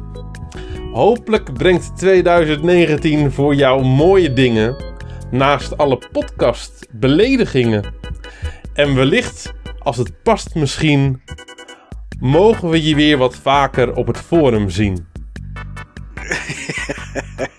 Nou ja, een mooi gedicht, eh Steve. En eh, geen onwaarheden. Geen onwaarheden inderdaad, ja. Ik, ehm, ik heb echt flink moeten snoeien. Eh, ik had ook zeg maar, ik, ik had zeg maar bepaalde dingen in gedachten. Ik had een hele checklist van dingen zeg maar die ik, eh, die ik in dat gedicht kwijt wou. Eh, want ik, ik ken Joey gewoon echt heel goed, helaas. Maar ehm, ja, ehm, ja ik, ik had er gewoon echt, echt de tijd niet voor om, dat, om het gedicht wat ik eigenlijk, wat ik, ik had eigenlijk nog drie keer zo lang willen hebben. Om het gedicht wat ik eigenlijk zeg maar had willen, willen, willen schrijven ook, ehm, ook te kunnen eh, schrijven. Ik heb uiteindelijk, heb ik het merendeel van dit gedicht, ehm, kerstavond zitten schrijven. Tussen de gangen door. Nou, dat zie je maar, dat voedsel hè, is niet alleen voor het lichaam, ook voor het geest goed, uh, Ook voor de geest goed, inderdaad, ja. ja. Dus, uh, maar ik, ik, was er nog steeds heel uh, tevreden mee. En andere, alle andere dingen die ik erin had kunnen en willen zetten, die waren toch wel, ook wel heel persoonlijk geweest. Dingen die ik alleen wist. En had hij direct geweten wie, wie die getrokken had. Ja, en dat gun ik hem ook helemaal niet. Nee, Nee, nou ja, uiteindelijk uh, weet hij het al dat jij het was? Of, of nee, hoort hij het als hij... Nee, uh... dat hoort hij wel in deze podcast. Oké, okay, nou dat is wel... Dat hij, ja, gewoon e- eventjes gewoon een goede mindfuck. Ja, ja. Dat is belangrijk. Dat houdt, was... uh, dat houdt de gedachten scherp. Dat was vorig jaar ook, hè. Toen dacht Sven dat hij twee keer Destiny 2 kreeg. Of Destiny... Ja, maar dat was gewoon... Dat was gewoon onoplettendheid. Ja, dat was gewoon een beetje, een beetje zulligheid inderdaad. Ja, ja, alsof, ja. Alsof, ik, uh, alsof ik zeg maar gewoon gekopieerde Blu-raytjes uh, uit ga lopen delen. Kom op, money to burn, money to burn. Ja. Maar, Zo'n uh, gigantisch nee, lang gedicht zat erbij. Ja, die was, ja, die was dus drie keer zo lang. Ja. Ja. Ja, oh ja, maar wel schitterend. Nou goed, het, Secret Santa is in ieder geval geslaagd bij jou, Steve. Dat kunnen ja, we wel... was, uh, was zeker tof. Dat kunnen we wel zeggen. Ja, Niels, normaal zou ik het aan jou vragen, maar ik ga gewoon zelf even een keer. Omdat oh. jij daar ook wel in, in... Ja, jij zit daarin. Ja, ik kom wel aan het woord. Ja, ik, uh, laat ik beginnen met geven. Ik, uh, elk jaar, dat heb ik vorig jaar ook gezegd en dat zeg ik volgend jaar weer, bedenk ik van, oh, ik ga iets moois maken en knutselen en weet ik wat allemaal. Ja, het spijt me, mensen die mij, uh, die, die, nou, tenminste, voor iedereen die, die mij als center heeft, het, dat is toch gewoon mijn ding niet. Dat zit er gewoon niet in, hè? Nou, ik heb wel eens een keer voor uh, voor mijn dochter, voor Alisa, heb ik wel eens een keertje. Die kwam dan in het weekend bij mij. En dan was het. Oh ja, maandag moet ze een surprise af hebben. Oké, okay, wat heeft ze al? Niks. Oké. Okay. Nou, dus dan had ik niet zo, uh, had ik niet zo heel veel uh, tijd, zeg maar, om iets te maken. Dus ik heb wel een keer een uh, Angry Bird gemaakt. Ik moet zeggen dat die behoorlijk goed was gelukt. en ik heb wel eens een keer iets met een met een paard gemaakt en met een pick-up en boksen erbij en zo. En, Heb je ook nog een pot met stroop gewoon gemaakt? Maar... Die is natuurlijk ook goed te maken, inderdaad. Zolang het vierkant is of met een ballon, dan, dan lukt het wel. Met een beetje papier maché, dan kom ik wel een heel eind. Maar goed, dat uh, zat er dit jaar niet in. En uh, ja, het verlanglijstje dat ik had van de persoon die ik had. Ik kan het wel, uh, kan het inmiddels wel, wel zeggen. Dat was Annemieke, of de, op het forum Miekja. Ja, en die wilde eigenlijk iets van Toadette of van Princess Peach. Maar de meest gangbare dingen, ja, die had ze allemaal al. Ja, dan wordt het wel heel erg moeilijk als je niet weet wat iemand heeft. Maar gelukkig had ze een...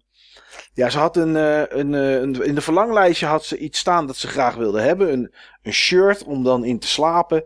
En nou ja, dat, dat linkje zat erbij van Netgame, zeg ik even uit mijn hoofd. En ja, die wilde ze graag hebben. En nou ja ik klikte op dat linkje, de maat die ze wilden hebben, daar hadden ze er nog eentje van. En toen was het kopen en, ja, en was die binnen. Ja, goed, als iemand dat graag wil hebben, dan, dan gaan we er natuurlijk niet al te moeilijk over doen. Toen keek ik daarna nog een keer op de website. Want ik dacht van even kijken van ik heb toch wel het juiste besteld. Toen ging ik toch twijfelen. Toen zag ik dat ze allemaal op waren. Toen dacht ik oké, uh, was dat net ook zo? Ben ik te laat? Heb ik toch geluk? Nou ja, ik had dus geluk. En het shirt kwam binnen. Um, ja, ik wilde wel iets van een gedicht erbij doen. Maar ik wilde dat eigenlijk niet schrijven. Maar ik wilde het eigenlijk ook niet zomaar klakkeloos inspreken. Want ja, uh, er bestaat natuurlijk altijd de kans dat diegene mijn stem herkent uit, uh, uit de podcast. Dus ik had uh, ja, met de, de tool waar, wij al, waar we jouw stem, Jouw stem nooit, Mike. Jij hebt gewoon een stem die, die hebben wel 10.000 andere mensen. Ja, nou kijk, dat is, dat is mijn geluk. Maar toch dacht ik van, ik gooi hem, ik gooi hem eventjes... Door een scrambler. Hem, ja, ik heb eventjes wat met de distortion gedaan en uh, met dat soort zaken allemaal. En, ja, uh, lijkt me zeer verstandig. Dat, dat zwoele stemgeluid van jou, dat herken je uit, uit miljoenen inderdaad, ja. En toen herkende ik het zelf ook niet echt meer terug, moet ik zeggen. Dan dacht ik van, oké, okay, nou, dan is het goed. Ik heb het ook wat rustiger en wat anders ingesproken. Ja, ik herken en, het uh, wel. Oké, okay, ja. Bepaalde maar, dingen, gewoon qua intonatie en woordkeus. Ja, ja, dat is, uh, dat is, ja, dat blijft dan toch hangen. Maar goed, ik had er een YouTube filmpje van gemaakt door er een plaatje bij te plakken en de audio uh, online te zetten.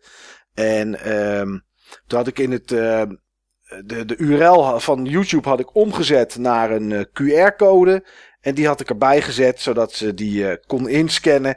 En ik had een berichtje gestuurd uh, namens haar Senta naar haar toe. In dit geval was ik het zelf. Waarin ik zei van uh, het pakketje is onderweg. Dat wil ik even laten weten. En uh, denk erom, we houden je in de gaten. Want ik denk, ja, ik kan aan de, aan, aan de aantal views op YouTube kan ik zien of ze het stiekem al eerder heeft uitgepakt en heeft geluisterd. Maar uh, dat, was, dat was niet zo. Die heeft zich er, die heeft zich er netjes aan gehouden. Ja, goed, krijgen is natuurlijk ook leuk. En elk jaar heb ik een standaard, standaard lijstje. Nou ja, eigenlijk is het geen lijstje. Het is een linkje naar alle games die ik heb. Uh, voor alle platformen die ik heb. En dan zet ik erbij, nou, alles wat ik niet heb is eigenlijk goed. En daar heb ik nog nooit klachten over gehad.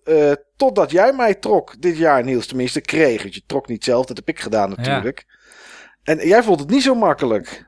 Nee, ik had vrij snel een reactie gestuurd. Ja. Naar uh, de, second, de Secret Santa Master op het Button. Forum. Nee, ja, ik vond het wel lastig, maar ik, het kan zijn dat ik gewoon niet goed heb gekeken of zo. Maar ik had het gevoel dat die link zo incompleet was. Ja, het is, het is, het is, het is gewoon een app voor mobiel en je kan dan ook online kijken. En ik ben wel, ja, ik ben wel, ik ben wel met je eens dat de sortering niet altijd even makkelijk is van, um, van de webversie. Dat, dat klopt inderdaad wel, ja. Ja, ja ik, want ik wilde namelijk kijken wat je al had van de systemen waar je actief voor koopt of voor verzameld. Ja. Nou, één daarvan is PSP. Dus PSP wilde ik graag zien wat je daarvan had. En ik heb zelf ook een lijstje PSP games. En ik, volgens mij was de overlap tussen wat ik zo kon vinden wat jij had en wat ik heb, echt maar twee games of zo. Dus ik dacht, ik kan helemaal niet iemand die dit verzamelt. En ik kies gewoon heel gericht een paar games die ik wil spelen. Hoe kan daar zo'n verschil in zitten? Dus ik vertrouwde het lijstje gewoon niet zo. Nee, Snap ik. Ik laat een hele berg papier trouwens het vallen hier, maar ja. Ah, dat maakt niet uit, het is feest. Dat is mijn Secret Santa die ik laat vallen. Maar goed, ja, nee, ik, het is uiteindelijk wel gelukt. Maar misschien uh, kun jij beter vertellen wat ja, nee, tuurlijk. Ik, uh, dus, uh, nou ja, ik kreeg, ik kreeg pakjes. Ik wist natuurlijk dat het van Niels was. Ik vroeg, mag het al open? Ja, het mag al open, zei Niels. Want het zat toch individueel nog voor de rest, nog voor de rest verpakt. Met een hoop zooi ja, ertussen.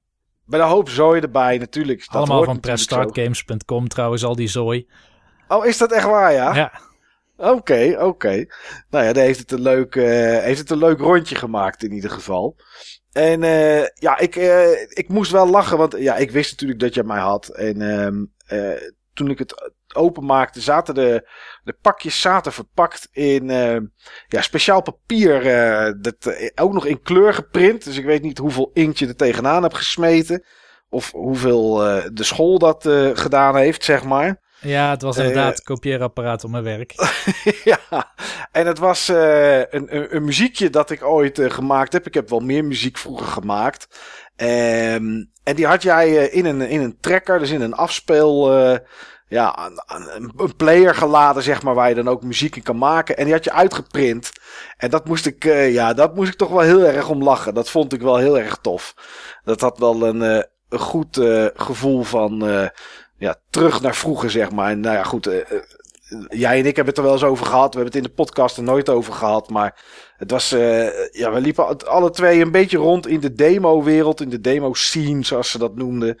En volgens mij waren we ergens 2001 alle twee op takeover in Eindhoven. Dat zeg ik even uit mijn hoofd. Ja, volgens mij de overlappende plekken waar we zijn geweest zijn allemaal zo eind jaren 90, uh, 2000, 2001 geweest inderdaad. Ja, takeover ja. was inderdaad, nee, deze, die module die ik uh, heb gebruikt, die kwam niet van takeover. Die kwam of van Bizarre of van Ambience uit 99 of zo.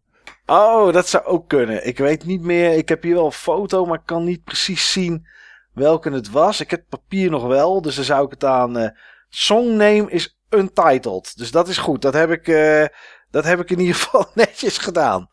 Nee, maar goed, het, uh, ja, ik moest er wel om lachen. Wij hebben elkaar daar overigens nooit gezien. We wisten ook totaal niet van elkaars bestaan af. Nee. Maar uh, ja, dat was, uh, dat was een, uh, een leuke tijd. En nou ja, goed. Ik heb trouwens nog wel een geweten... grappige anekdote hè, over Takeover. Wat dan? Nou, dat ik was wel een van de winnaren van de muziekronde. Of van de muziekcompo. Echt waar? Ja, en ik won volgens mij 200 eh, euro zal het geweest zijn, denk ik al in die tijd. Ehm, nee, nog net niet volgens mij. Was dit niet, in, was dit niet einde van het jaar? Takeover? Uh, 2001, hè? nee, 2002 werd die ingevoerd. Dus Ja. eh, nee. Nee, het was inderdaad nog de gulden. Dus 200 gulden was het. Dat was precies het bedrag wat ik mijn ehm autorijinstructeur schuldig was, omdat ik vergeten was af te melden dat weekend. Oké. Dus ik was al het geld dan meteen weer kwijt. Oh, dat is wel mooi zeg. Ik zie hier dat het 22 juni was. Maar je dat, had nog steeds de eer. Dat wel, ja. ja. De eer en de eeuwige roem. dat is mijn verjaardag. Ik weet, ik weet zeker dat alleen Mike het is vergeten. Ja, ik weet niet eens eh, wat Niels zijn naam eh, destijds was. eh. Dus dat zou ik ook niet... Maar ik had er meerdere. Ik had er meerdere. Oké. Maar goed, ja, eh, ik, eh, ik won nooit iets, want ik maakte natuurlijk altijd herrie. En dat was gewoon voor de lol. Maar goed, dit was wel heel tof om, eh, om te zien. Want dan ja, krijg je in één keer... Dat was wel echt een flashback. Het was lang geleden ook dat ik, dat ik, ja, dat ik het zo gezien heb. Hoe het eruit zag, zeg maar. Heb jij die tracker ook gebruikt? Scream Tracker? Ja, Scream Tracker heb ik ook. de- Die gebruikte ik op de PC zeker. Ja. Ja. Ja, ja, dus het was echt. eh, ik zag dit en ik dacht, nou, ik krijg nou wat, joh. ja, dat was echt heel, eh, dat was heel tof. Nou goed, er zaten natuurlijk cadeautjes in. En eh, eentje, daar werd Bianca een beetje triest van. Want dat was een doosje van jou waar, waar verf in had gezeten. Waar jij poppetjes mee hebt geverfd voor een bordgame, denk ik dat het was destijds. Klopt, ja. Volgens mij heb ik dat ook ooit in de podcast verteld. Ja, dat heb je verteld. Dus Bianca dacht van, hey, tof. Eh, hij gaat lekker met me aan tafel zitten, lekker knutselen en verven en schilderen. Maar gelukkig voor mij niet, zeg maar. Want dat had denk ik niet echt helemaal mijn ding geweest. Maar eh, uit, elke, uit, uit, uit alle drie de doosjes kwamen, kwamen drie games. Ehm eh, Yokai Watch 2, Gigageesten. Shadow Wars, nee, Ghost Recon Shadow Wars voor de 3DS. En White Chronicle, White Knight Chronicles moet ik zeggen, Origins voor de PSP. Nou ja, alle drie games, Niels, die ik niet had. Dus dat heb je in ieder geval goed, eh, goed, goed bekeken. Ja, Gave game hoor, Shadow War. Shadow War is echt heel erg goed. Het is een van mijn grote hidden gems op de 3DS. En ik heb één tip. Echt één tip. Die moet je ter harte nemen. Anders dan krijg je hetzelfde als ik, dat je het niet uitspeelt. Ja, Eh, er zit namelijk een grote irritatie in. In die game. Oh. Ook al is hij eigenlijk voor 99,9% super gaaf. De grote irritatie is het allerlaatste level. Daarin Ja. moet jij een segment spelen met één karakter. En dat is een karakter wat je misschien niet hebt doorontwikkeld gedurende het spel. oké. Dus als jij het spel een keer speelt, ehm een van de eerste karakters in het spel is een soort allrounder. Die is nergens echt heel goed in, maar die kan alles een beetje. En dat is het belangrijkste personage. En daar moet je op het einde een missie in zijn eentje mee doen. En als je net zoals ik bent en je gaat altijd voor de, ja, voor de, echt voor de specialisten. Zeg maar, ik wil altijd echt een sniper, bijvoorbeeld een echt een tank. En ze zo goed mogelijk maken in hun natuurlijke rol. Als je dat op dezelfde manier zou doen als ik, dan kun je het gewoon niet uitspelen. Hmm, oké.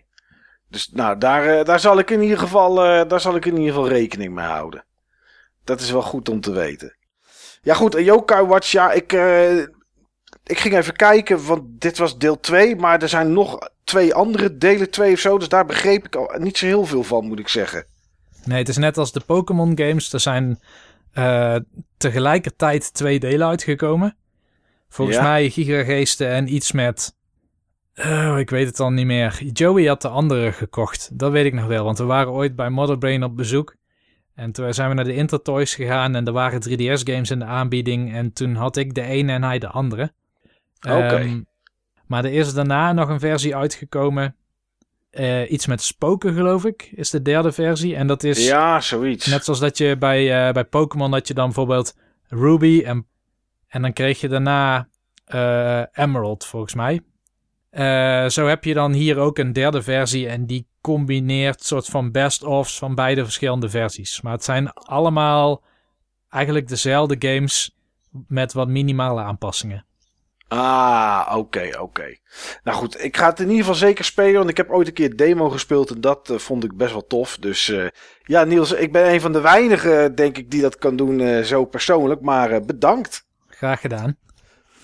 Ja, nou ja, jij mag nog iets over je geven vertellen, maar dat hebben we denk ik inmiddels gedaan. Ja, dan is het alleen de receiving end die we van jou nog willen weten. Ja, nou, de receiving end, dat was echt iets heel bijzonders. De game kwam wat laat, of de game, ik noem het al die game. Um, ja. Het cadeau kwam wat later, maar nog altijd ruim op tijd voor, voor kerstavond. Volgens mij heb ik pas eerst de kerstdag uitgepakt trouwens, zit ik te denken. Maar goed. Nou, dat hoort ook zo. Het zat in een, uh, in een grote doos. Uh, die was heel mooi versierd. Er zat een envelop op en de, op de envelop stond dat ik iets open kon maken, maar dat ik niet helemaal zeker wist wat ik precies open kon maken, heb ik alles dicht laten zitten tot die eerste kerstdag. En toen ik het openmaakte, toen zat er in die hele grote doos um, een kartonnen plaat met daarop allerlei vakjes. En er zat een, een poppetje opgeplakt en allerlei plastic pilaartjes. Nou ja, om het kort te maken, er zat een Choose Your Own Adventure game in die doos. En ik weet niet of dat jullie ooit een Choose Your Own Adventure game hebben gespeeld. Het is een soort roleplaying game in boekvorm waarin je keuzes maakt. En aan, aan de hand van die keuzes moet je dan doorbladeren naar een bepaalde pagina. Oké, oké. Ja, want je had er iets op het forum van gezet en ik begreep het voor de helft niet, zeg maar. En, uh, ik, heb, uh, ik heb laatst nog een uh, Choose Your Own Adventure game gespeeld. Oh, oké. Op Netflix. Oh, ja, ik weet het. Bandersnatch. Ja, hoe heet het ook alweer? Black Mirror. Ja, oh, is een uh, film van Black Mirror. En um, voor wie het niet kent, Black Mirror is een Twilight Zone-achtige serie met allemaal losstaande verhalen. En dit is dan zeg maar een lang verhaal, um, waarvoor ze 500 minuten hebben opgenomen. En in principe ga je van die 500 minuten zo'n 90 tot 100 minuten zien. Ja, ja. Je, je... je destilleert echt je eigen film uit dat verhaal. Ja, het, is, uh, het is interactief film kijken, zeg maar, toch? Dat zo moet je het zeg maar zien, ja. Ja, dat is een goede beschrijving. Ja, ik las dat er zelfs één scène is waarvan de regisseur niet eens weet hoe je erbij moet komen. Dus ik weet niet wat ze allemaal gedaan hebben, maar ik heb ook hele stroomschema's gezien uh, uh, hoe, waar je bij welke keuzes komt. Dus ik vind het wel, ik vind het wel tof iets. Ik moet het nog eens een keer gaan checken, inderdaad. Het heeft wel een hoog telltale gehalte. Oké. Oké, maar misschien dat ik dat in een film niet zo erg vind. Of hoe, heb, je het, heb je het meer als film ervaren of toch meer als game? Oké, oké. Nou, dit heeft geen uh... hoog telltale gehalte. Oké. Dit was echt een, uh, een soort dungeon crawler. Sowieso 2018 was voor mij het jaar van de dungeon crawlers. Ik denk dat ik nog nooit in één jaar zoveel games heb gespeeld waarin je of first person of misschien third person door een bepaalde dungeon moest navigeren.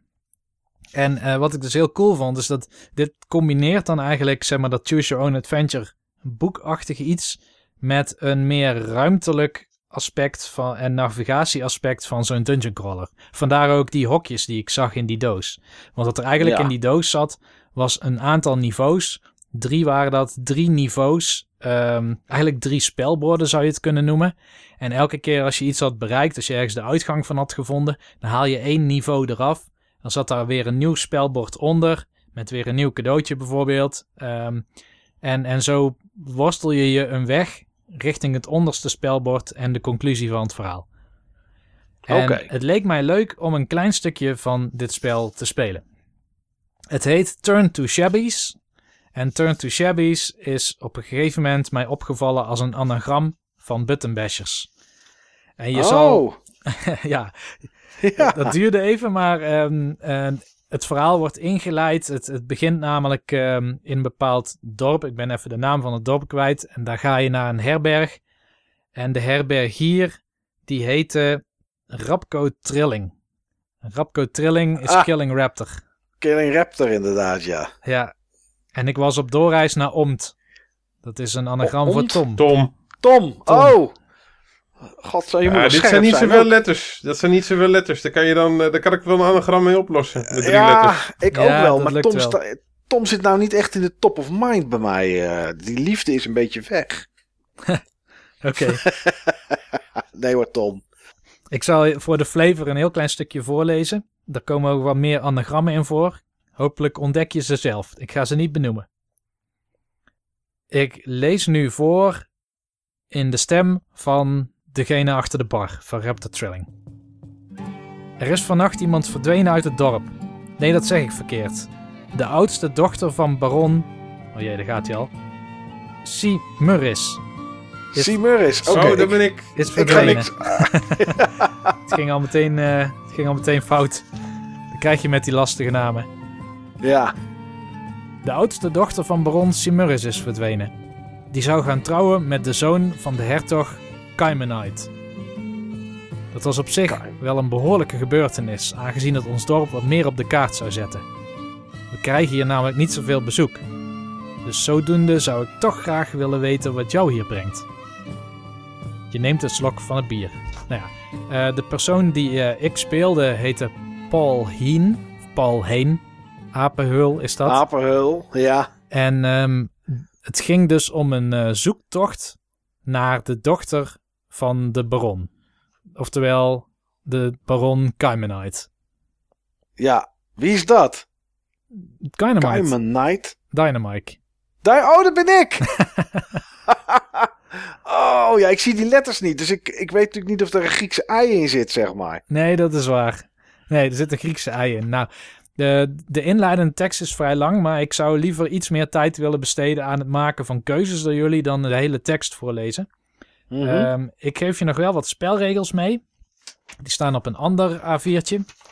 Het is een, een soort roguelike, dus je kan meerdere keren doodgaan en je respawnt dan op het niveau wat je voor het laatst hebt bereikt. Zeg maar die verdiepingen in die doos. Eh, maar je hebt een aantal ehm, attributen in je inventarislijst. Je hebt namelijk een wollen cape. Stel je voor aan je hoofd, een wollen cape. Ja. Een zwaard. Lekker warm in de winter. Ja, ja. Een zwaard, heel handig. Zwaard. Een rugzak. Laarzen, Essentieel. laarzen die exact dezelfde... Nee, laarzen die exact gelijke stappen nemen. Het heeft te maken met dat dungeon crawling idee. Dus als je, Dat klinkt als twee, als twee linkerlazen. wie weet... De ring van intuïtie. Daar is iets aparts mee, maar dat komt misschien nog wel. En een vreemd pakje. De grote vraag staat Als, eronder. als in een vreemd pakje, als iets wat gewoon nog niet uitgepakt is. Of gewoon zeg maar Een peach kostuum. in... eh, zoiets inderdaad. ja. Ja. Het is wel apart dat jij dat in je inventory hebt en niet weet wat het is. Nee, nee. Maar begin je met potlood of durf je meteen met pen in te vullen? Nou ja, ik durf natuurlijk meteen met pen in te vullen. Tuurlijk. Zijn geen watjes. Je leeft maar één keer. Uiteindelijk krijg je van die herbergier ook nog een ehm, proviant mee voor in je inventaris. En daarna krijg je al de eerste keuze. Dus voor jullie is de keuze, wat ga je doen? Je vraagt rond in het dorp of ga je direct naar het labyrint? Eh, direct naar het labyrint. Ja. Als je, met pen, als je met pen invult, ga je ook direct naar het labyrint. Ik ben Ja, het er hoor. helemaal mee eens. Nou ja, ik blader naar ehm, item 140. Kun je nagaan hoeveel items er zijn. Het is ook een flink boekwerk trouwens. Mijn hemel, heeft er wel... eh, wie, weet je wie het gegeven heeft eigenlijk, Niels? Ja, ja, Magotte heeft het gegeven. Magorte? Magotte, Magotte. Oké. Magotte top. is, eh, is, is eigenlijk, ehm, ja... Ik weet niet of ik de antagonist moet noemen van het geheel of de protagonist. We gaan het zien. Oké. In ieder geval, ik ben er inmiddels bij item 140. Terwijl je het dorp uitloopt, word je voorbijgerend door een groepje soldaten. Bewapend met hun zwaarden en een kruisboog, denk ik dat er moet staan, maken ze een solide indruk. Jouw ervaring met soldaten is echter niet altijd even positief. Je vindt een afgescheurd stuk stof in de struik. Het is voorzien van dure stiksels en je vermoedt dat het de jurk van de dochter van de baron kan zijn. Je zoekt naar andere sporen en vindt een drietenige afdruk. Hoewel je al veel ervaring hebt, kun je dit niet rijmen met een beest wat je eerder hebt gezien. Nou, er staat Ik heb nog nooit een kat gezien, dus dat zou best kunnen. er staat een, een, een Die afdruk. hebben we hier niet in, eh in Gouda, katten. nee. Ik denk niet dat, het- dat het per se een, eh, een, een goudse kat is. Maar het lijkt een beetje op een vogelpootje. Met een cirkel Oh, een erdoor. vogelpoot. Die, die hebben we hier ook niet. Die, die zijn allemaal, opge die zijn allemaal opgegeten door de kat. Door de kat. ja. Goed, Oké. je, besluit, eh, je besluit het echter wel op te schrijven voor het geval het van pas komt. Schrijf op de inventaris, inventarislijst drietenige afdruk. Ga naar 73. Ik ga naar 73. Dat stukje stof heb je niet meegenomen. Nee, nee. Ik heb eh, de, de afdruk neem ik mee. 73. Wat ook heel handig is, is sommige teksten zijn om en om in het blauw of in het wit geschreven, zodat je ze makkelijk kan onderscheiden. Het is oh, ook heel wanneer het begint. Oh ja, dat was slim. Daar gaan we dan. Bij de ingang van het labyrint is het erg rustig. Er hangt een vreemde gloed voor een verder ogenschijnlijk normale opening in een paar rotsen. Je haalt nog een keer diep adem en stapt door de gloed heen. Eenmaal binnen test je meteen de theorie of je weer naar buiten kunt, maar een skelet op de grond met een uitgestrekte arm en vele markeringen en beschadigingen aan de rotsen van de ingang zeggen je genoeg. Dit is zeker niet de uitgang. Je oriënteert je op wat je wel kunt zien en als een echte avonturier pak je een vel papier met allemaal mooie vakjes en een stuk houtskool en schetst vanaf cel D3 drie vakjes naar beneden. De zaakje staat er F3. Dan weet je nu hoe het werkt. Naar beneden is dus altijd ehm, in, in, de, in de kolomrichting of in de rijrichting van de, van de letters, niet van de getallen. Oh, Oké, ja, ik snap het. Dit zijn de exacte stappen die je dankzij je laarzen maakt en jouw houvast uit je jarenlange ervaring. Nou, die, la- die laarzen met gelijke stappen, die wordt dus nu uitgelegd. Elke stap is één vakje. Ja, precies. Daar sta je bij een T-splitsing. Als je verder naar beneden kijkt, is het donker. Naar rechts zie je de gloed van een soort magische lampen. Wat doe je? Ga je naar beneden of ga je naar rechts? Eh, ik zou niet weten hoe ik naar beneden moet. Ik denk niet dat we gaan springen, toch, Steve? Nou, dit is een lastig iets, want Ja, joh, wij hebben slechte knieën, toch? Laten we gewoon naar rechts gaan. dit is wel We een, zijn ook al niet meer de jongste, hè? Nee, inderdaad. Dit is wel een, ehm, een, een, een leerpuntje, zeg maar, wat ik had tijdens het spelen van dit spel. Want het is niet altijd duidelijk of naar beneden, of dat dat dan zeg maar naar beneden is op de kaart, of naar beneden relatief aan je karakter. En zo ja, gaat het ook een met etage naar beneden, zeg maar. Precies. Dus dit was niet een etage naar beneden, maar dit was drie vakjes naar beneden. En soms is het verhaal wat inconsequent als het gaat over deze terminologie. Dus vaak wat ik deed, was ik schreef nog niet precies op wat ik had gedaan, totdat ik erachter kwam door een event wat daarna zich afspeelt, of dat het een eh, mogelijke keuze geweest was. Maar jullie gaan dus ja, naar ik rechts. snap het. 154. Je loopt voorzichtig de gang in. Na één stap is zowel links als rechts een vreemde, een vreemde plek van gloed op de muur zichtbaar. Het ziet er vrij onschadelijk uit, maar je bent niet voor niets een ervaren avonturier. Wat doe je? Je raakt de linkergloed aan. Je, je raakt de rechtergloed aan. Je strekt je enorm uit en raakt beide tegelijk aan. Of je kent deze trucjes en houdt een veilige afstand. Ik zou niks aanraken. Nee? Wat zou jij doen, Nee, Steve? Ook zeker niet niks aanraken. Ik heb hartstikke veel smetvrees, man. nee, dat is veel te listig. Want er zit op zeker iets van een trap achter. Of een deur. En dat ik in één keer aan de andere kant lig. Nee hoor. Nee, De- dat die twee in. opties zijn dus om je uit te... Oh nee, je, wil, eh, de- je kent de trucjes en je blijft op veilige afstand. Precies. 49. Heb jij deze keuzes ook gemaakt, Niels, tijdens het spelen? Nee, ik ging meteen alles aanraken. Oh. Werden je handen eraf gehakt? Ging je dood? Daar ben ik wel even benieuwd naar. Eh, nee, en volgens mij was het aan de... Als je de ene... De, volgens mij waren het een soort deuren. Gingen er gangen open. En bij de ene... Ja, je zag, je zag iets, een altaartje of zo. En bij de ene brandde er licht en bij de andere niet. Maar het was niet iets waar je van afging. Dit was nog geen valstrik. Je zal zien dat die niveaus, die hebben ook allemaal een andere focus.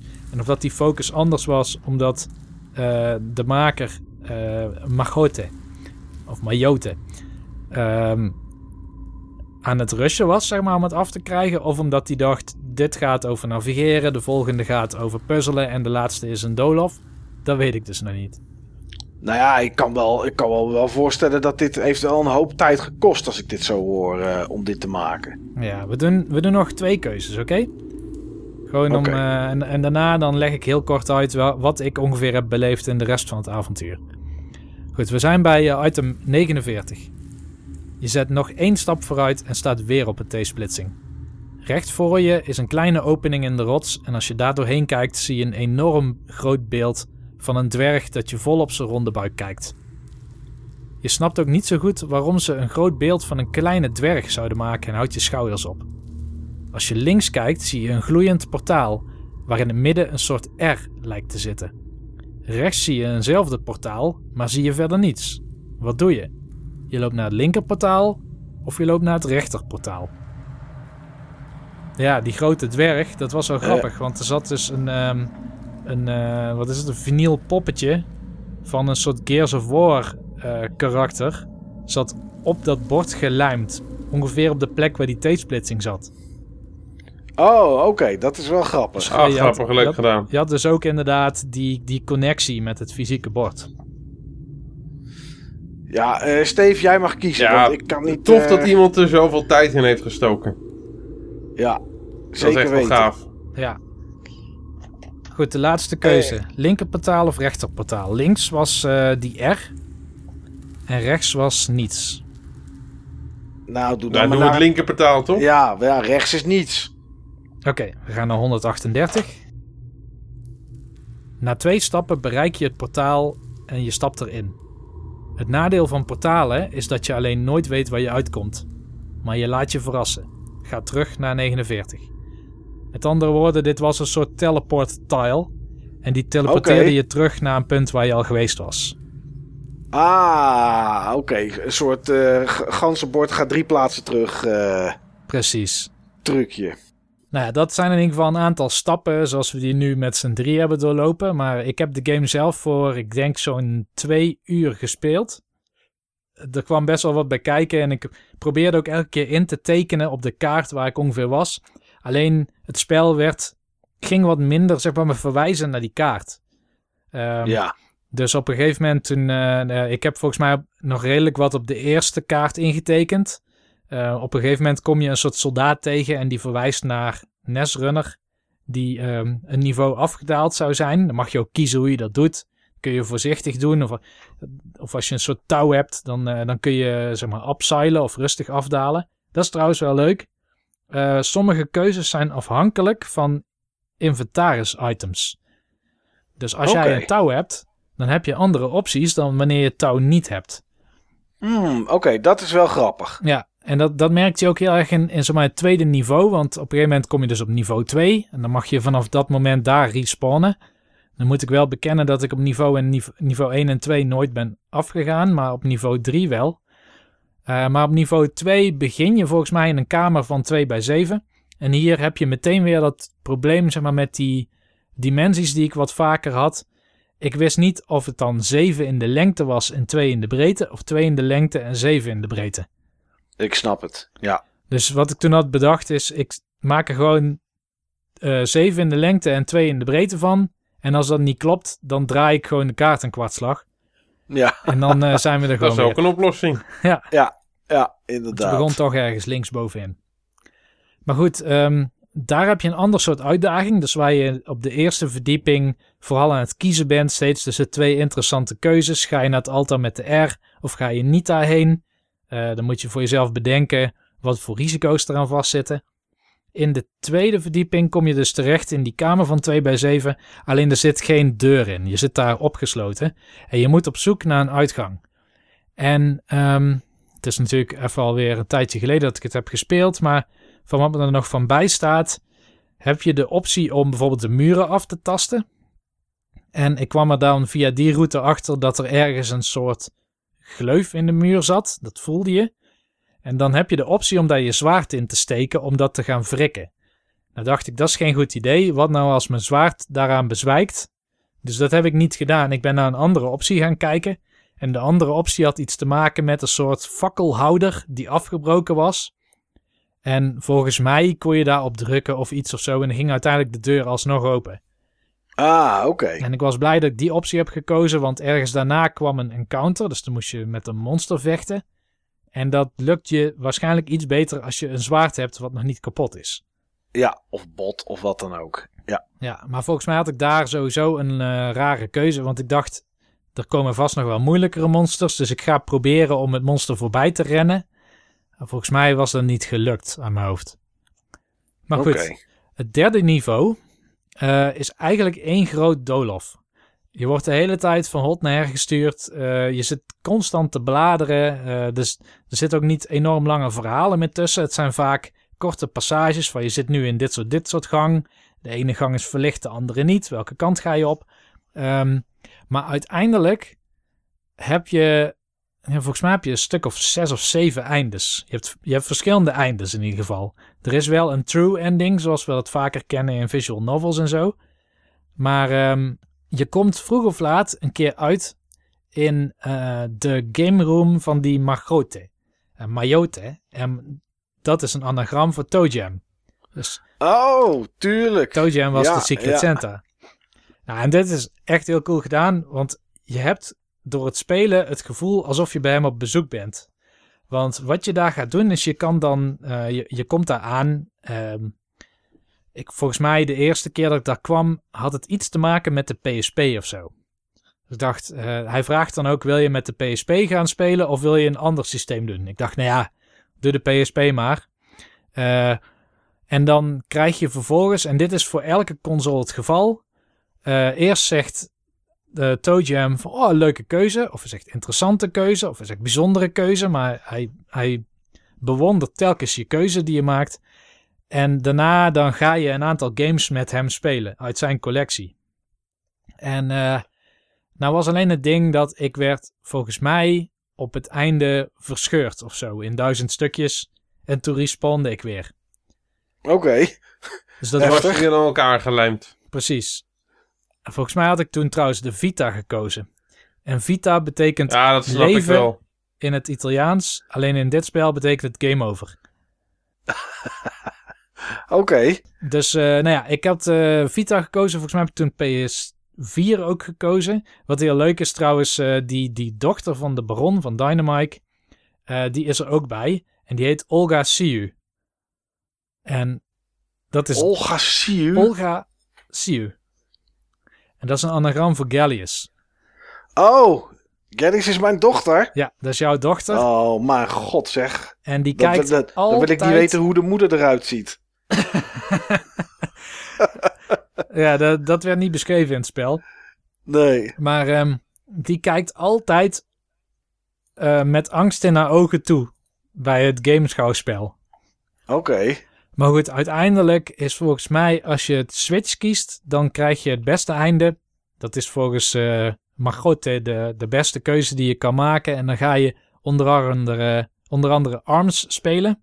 Had ik heel lang niet gedaan. En het grappige was dat je wel het, je hebt wel het beeld voor ogen dat je het speelt als je het leest. Dan zegt hij bijvoorbeeld eh, welk karakter hij dan gekozen zou hebben en welke ik. En wie dan het eerste potje zou winnen en wie de tweede. Dat soort dingen staat dan heel geurig en kleurig beschreven. Oké, dat is wel leuk. En Het is wel echt goed gedaan. ja, nee, het is echt goed gedaan. Dus eh, Ja. ja. echt eh, heel, heel erg tof. De, en, oh trouwens, ik ben helemaal vergeten. Elke keer als je dus een eh, verdieping haalt, dan Ja. mag je een pakje uitpakken. Oh, oké. Ja, er zaten dus meerdere pakjes in. Een van de eerste pakjes die ik tegenkwam, dat was weer een final figure van een Gears of War poppetje. En wat ik trouwens heel cool vind, is dat de, eigenlijk alle cadeautjes die in dit spel zaten, die, eh, die waren dingen waarvan hij waarschijnlijk wist dat ik ze leuk vond. Dus ik denk dat Toe Jam best wel goed oplet op het forum of in de podcast. Dat zou zomaar We kunnen. hebben natuurlijk Gears of War 4 een keer co-op gespeeld. Daar hebben we het uitgebreid over gehad. Ja. Ehm, ik had hem ook een lijst doorgestuurd van games die ik al had. Dus hij kon ook daarop zijn keuzes baseren. Maar de tweede game die ik heb, of de, de eerste game volgens mij die ik uitpakte, was een PSP-game en dat was Patapon 2. En Patapon 1 vond ik echt fantastisch leuk. Dat is zo'n ritme-strategie-game. Is echt een toffe game. Ja, dat is Patapon. pata, pata, patapon. Zeg maar, dan druk je Ja. zo die knopjes in en dan gaan de mannetjes met de speren vooruit en die gooi je dan in de, echt een hele toffe game. En de, de, de, de, het, zeg maar, derde ingepakte item wat in de game zat, eh, dat was een eh, Atrian Odyssey spin-off game. En ik ben echt heel groot fan van de Atrian Odyssey games. Atrian Odyssey 4 bijvoorbeeld heb ik eh, in 2018 gespeeld. Ehm, maar dit is Atrian Mystery Dungeon. En dat is een soort.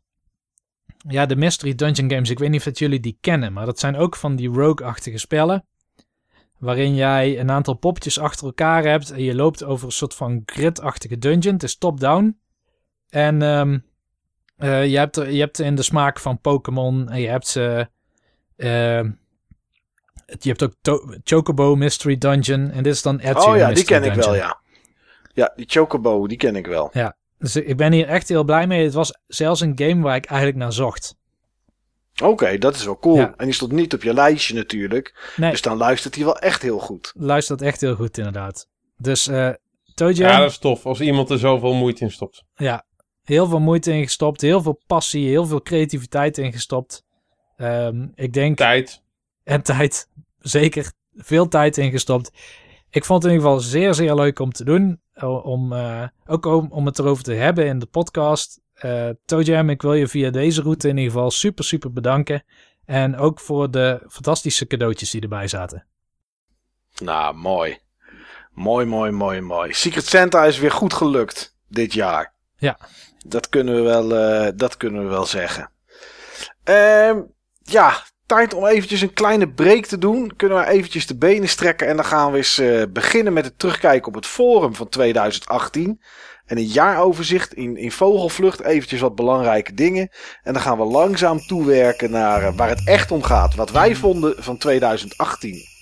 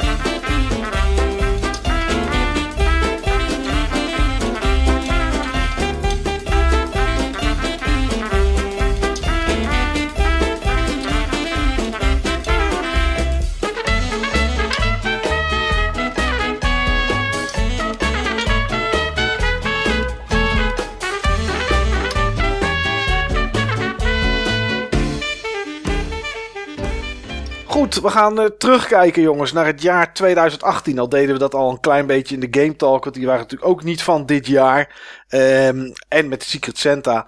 Maar goed, ik heb eventjes wat cijfertjes van het Ja, forum. voordat we eh, beginnen aan de cijfertjes, eh, Mike. Ja, Ehm, hoe was ons jaar eigenlijk? hoe was ons jaar? Hoe bedoel je? Ja. Als, gewoon als personen? Oh ja, nou ik had wel natuurlijk. Ik had vorig jaar wel teruggeluisterd. En dan hadden we natuurlijk de goede voornemens. En wat daarvan is overgebleven. Ehm, dus die kunnen we daar gelijk wel even misschien bij meepakken. Had ik ook goede voornemens? Ja, je had een goed voornemen. En dat was dat je geen eh, pakjes meer ging kopen voor. eh, hoe heet het ook weer? Die mobiele game van. eh, Ja, Oh, Fire Emblem Fire Heroes. Fire Emblem. Ja. Ja.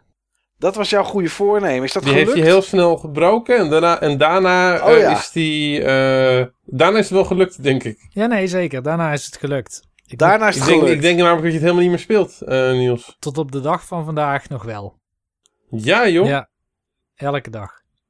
Wauw. Oké, ja, dat is wel Ik- Ik dedication. hoor je er nooit meer over. Nee, maar ik zie ook dat jij al heel lang niet meer online bent geweest. Dus, eh, en, en ook Jan niet. En ehm, was het Bartes? Ja, het Bartes. Die ook niet meer. Uh, maar ik speel het nog steeds. Het is wel een heel passieve game. Het is meer een spelletje als ik bij de bushalte sta, dat ik een paar rondjes doe om orbs te verzamelen, om vervolgens weer nieuwe karakters te krijgen. Maar ik ben niet meer driftig op zoek naar een bepaald karakter of naar bepaalde skillsets. Ik speel gewoon voor de Fire Emblem beleving in het klein. Ja. Waarschijnlijk heb je ook gewoon zoveel karakters, joh, dat je ook niet eens meer weet wat je ermee moet. Precies. Ja, maar dat was jouw goede voornemen voor 2018, Niels. En dat was inderdaad vrij snel was dat uh, verbroken. Ja, eh, maar goed, ja, Steve hoe was jouw jaar verder dan, Niels? Uh, jaar 2018, was het een goed jaar? Volgens mij was het een goed jaar. Op persoonlijk vlak goed. Um, ja, op gamevlak eigenlijk ook. Weet je, voor mij zat er niet heel veel verschil tussen 2018 en 2017. Op persoonlijk vlak tenminste. Op persoonlijk vlak, ja, oké. Ja, ja. Heb je nog voornemens voor 2019? Of behalve misschien voornemens, gewoon dingen die je graag zou willen dat het jaar zou brengen. Of dat dingen waar je, oh, of, doelen die je hebt, hoeft niet per se een, een voornemen te zijn. En natuurlijk dan niet games noemen waar je aan uitkijkt in 2019. Dat komt allemaal nog. Dat, komt, allemaal nog. inderdaad. Nee, ik... Um, nou, uh, eh, 2019 voor mij, daar zitten wel weer een aantal dienstreizen aan gekoppeld. En um, ik heb samen met mijn directeur een aantal hoge doelen gesteld. Ik heb de lat echt hoog gelegd voor dit jaar. Of voor de komende vier jaar eigenlijk. En daar ga ik gestaag naartoe werken. Uh, ik haal veel uh, energie uit mijn werk. Volgens mij weten de meeste luisteraars dat ook wel. Daardoor steek ik ook veel energie erin. Ik heb de afgelopen week, hoewel het eigenlijk vakantie is, heb ik toch meerdere dagen al zitten werken, e-mail beantwoord, dingen voorbereid voor volgende week. Dat doe ik niet omdat ik um, daar anders stress door zou krijgen of zo, maar dat doe ik omdat ik echt denk van ik heb hier nu zin in. Oké, nou dat is wel, uh, dat klinkt wel goed. Maar het is, toch, het is toch uniek hoeveel je gewoon kan reizen en hoe structureel je ook kan reizen voor jouw functie, uh, Niels. Ja, dat, dat is zeker waar. Um, ik reis normaal zo'n twee keer per jaar ongeveer voor werk. Het voelt denk ik als vaker, maar het zijn wel vaak lange reizen. Uh, dit jaar zijn er iets meer, maar er zit ook een vakantie tussen. Ik ga voor een maand naar Zuid-Korea toe. Ik ben daar heel vaak voor mijn werk geweest, maar ik heb nooit de tijd gehad om iets van de cultuur echt te beleven. Het was altijd propvol met afspraken, met meetings, met voorwerk voor als ik weer terugkwam. Soms was ik er een maand en dan had ik misschien in één maand tijd twee dagen in totaal of zo om iets anders te gaan zitten doen. Ik denk dat ik mijn werk gewoon ook beter kan doen als ik wat meer van het land heb gezien, dus daarom ga ik daarheen. Uh, het gaat mij niet om het reizen, zeg maar. Het reizen is een middel om een doel te bereiken. En van dat doel krijg ik veel meer energie. En dat doel heeft te maken met die, die instroom. Dus meer internationale studenten. En kijk, de reden is niet omdat we denken internationale studenten is per definitie beter. Uh, wat wel is, is dat het samenwerken met uh, collega's uit, uit andere landen, uh, dat brengt heel veel met zich mee. Wat... Ja, diversiteit, nieuwe inzichten, groei. Ja, ik heb bijvoorbeeld... het maakt een heel ander soort sfeer. Ik werk ook in een, uh, in een soort, uh, soort design studio. Game design studio. daar werk ik twee dagen in de week. En er zitten een aantal collega's ook van HKU bij in. En we hebben daar nu ook een, een Japans meisje stage lopen. En dat hebben we expres, of dat heb ik eigenlijk expres gedaan omdat ik benieuwd was wat het ons zou brengen. Dat brengt aan de ene kant uh, barrières met zich mee, taalbarrière, cultuurbarrière, maar die barrières kun je overwinnen en dan krijg je er echt heel veel voor terug. En wat je ervoor terugkrijgt, dat ben ik nu aan het, uh, aan het uitzoeken. Dan moet ik ook een plan opvormen voor hoe we dat in de komende jaren dan gaan doortrekken, wat ons plan daarmee wordt. Dus nu is het nog een soort experiment. Waarin ik heel open kijk naar wat komen we dan tegen als we het zo doen. En ik hoop dat we het veel doelmatiger kunnen inzetten in de toekomst.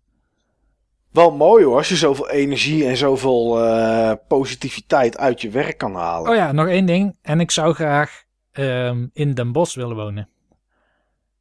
Waarom, Waarom zou je dat willen? Dat is aan de ene kant dichter bij mijn werk en aan de andere kant uh, niet zo. Hou je wel de connectie met je omgeving. Denk Precies, ik. ja. Ik hou de connectie met mijn omgeving. Ik heb nog steeds de trein, die is belangrijk, want dat is mijn game tijd eigenlijk, de trein. Um, En ik had me wel uh, ingeschreven op een nieuw project. Maar op een of andere manier was heel veel daarvan verkocht nog voordat ik ervan te horen kreeg. Toen was er nog één appartement om, op, of, uh, over van 70 vierkante meter van 3,5 ton. En die heb ik toch maar laten schieten. ja, dat snap ik. Ja, dat, dat klinkt niet als een goede deal. Wat, waarom was dat project dan zo duur? Dat project, ja, ik heb geen idee waarom het project was zo duur was. midden in het centrum of zo? Uh... Nee, het is een uh, nieuwe wijk achter het station. En het okay. project heet Upstairs. En ik ben daar geweest op zo'n informatieavond. En uh, ik had al gezien dat eigenlijk zo'n 80 vierkante meter, dat dat al wel de max zou zijn voor wat ik kan trekken, zeg maar, op mijn salaris en de ruimte die ik heb. Financiële ruimte. Uh, maar ja, die waren zo snel al weg. Dat heeft denk ik te maken ook met vele opkopers die misschien speculeren of zo op dat soort gebouwen. Ja. Oké, dat is wel jammer. Nou ja, goed. Uh, gemeente Den Bosch is de klant van ons. Ik kan wel eens eventjes uh, stiekem wat projecten voor je bekijken hoor, Niels. ja, ja oké. Dus, maar ik dat zou, zou ook dus gewoon wel... kijken op Funda naar wat er gewoon is qua regulier aanbod. Op ja, een stad als Den Bosch de... moet, het toch, moet toch wel gewoon wel wat te vinden zijn. Oh, Tuurlijk, zeker, en daar zeker. wordt, daar het wordt ook ook wel Het is geen Groningen aangeboden. of Amsterdam of zo. Kijk, alles is op dit moment gewoon zeg maar uh, duurder. Maar die rentes zijn nog steeds laag. Als je het wil, dan moet je het gewoon echt nu doen. Ja. Maar dat zou dus iets zijn voor 2019, Niels. Ja. Verhuizen naar Den Bosch. Oké, nou dat is wel mooi, uh, wel mooi iets om naartoe te werken. Dat is weer zoiets wat uh, dan volgend jaar in de podcast... Dat dan weer... Komt het weer terug. ja. En hoe staat het ermee? Ja. ja. Ja, ja, ja, ja. En jij, Steve? Hoe was jouw jaar? Ja, eigenlijk wel prima. Oké. Okay. Het was wel een ja, heel, heel goed jaar, uh, eigenlijk. Uh, dan is jouw uh, goede voornemen is dan wel, zeg maar, uitgekomen. Want je ja. wilde het wat, wat, wat, nou ja, wat rustiger was niet, maar wat meer, ja, tijd voor jezelf-achtige dingen. Het en... was zeker niet rustig. Oké. Okay. Alles behalve. Maar ik heb goed de balans bewaakt voor mezelf, vind ik zelf. Ja. En um, ik, heb, ik heb plezier gehad met de dingen die ik, uh, die ik gedaan heb qua werk. En ik heb met name heel veel impact uh, gehad.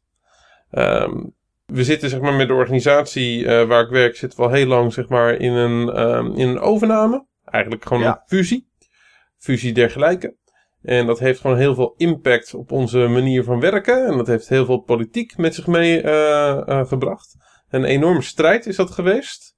En eigenlijk een aantal, een aantal losse, losse kleine oorlogjes noem ik het maar eventjes.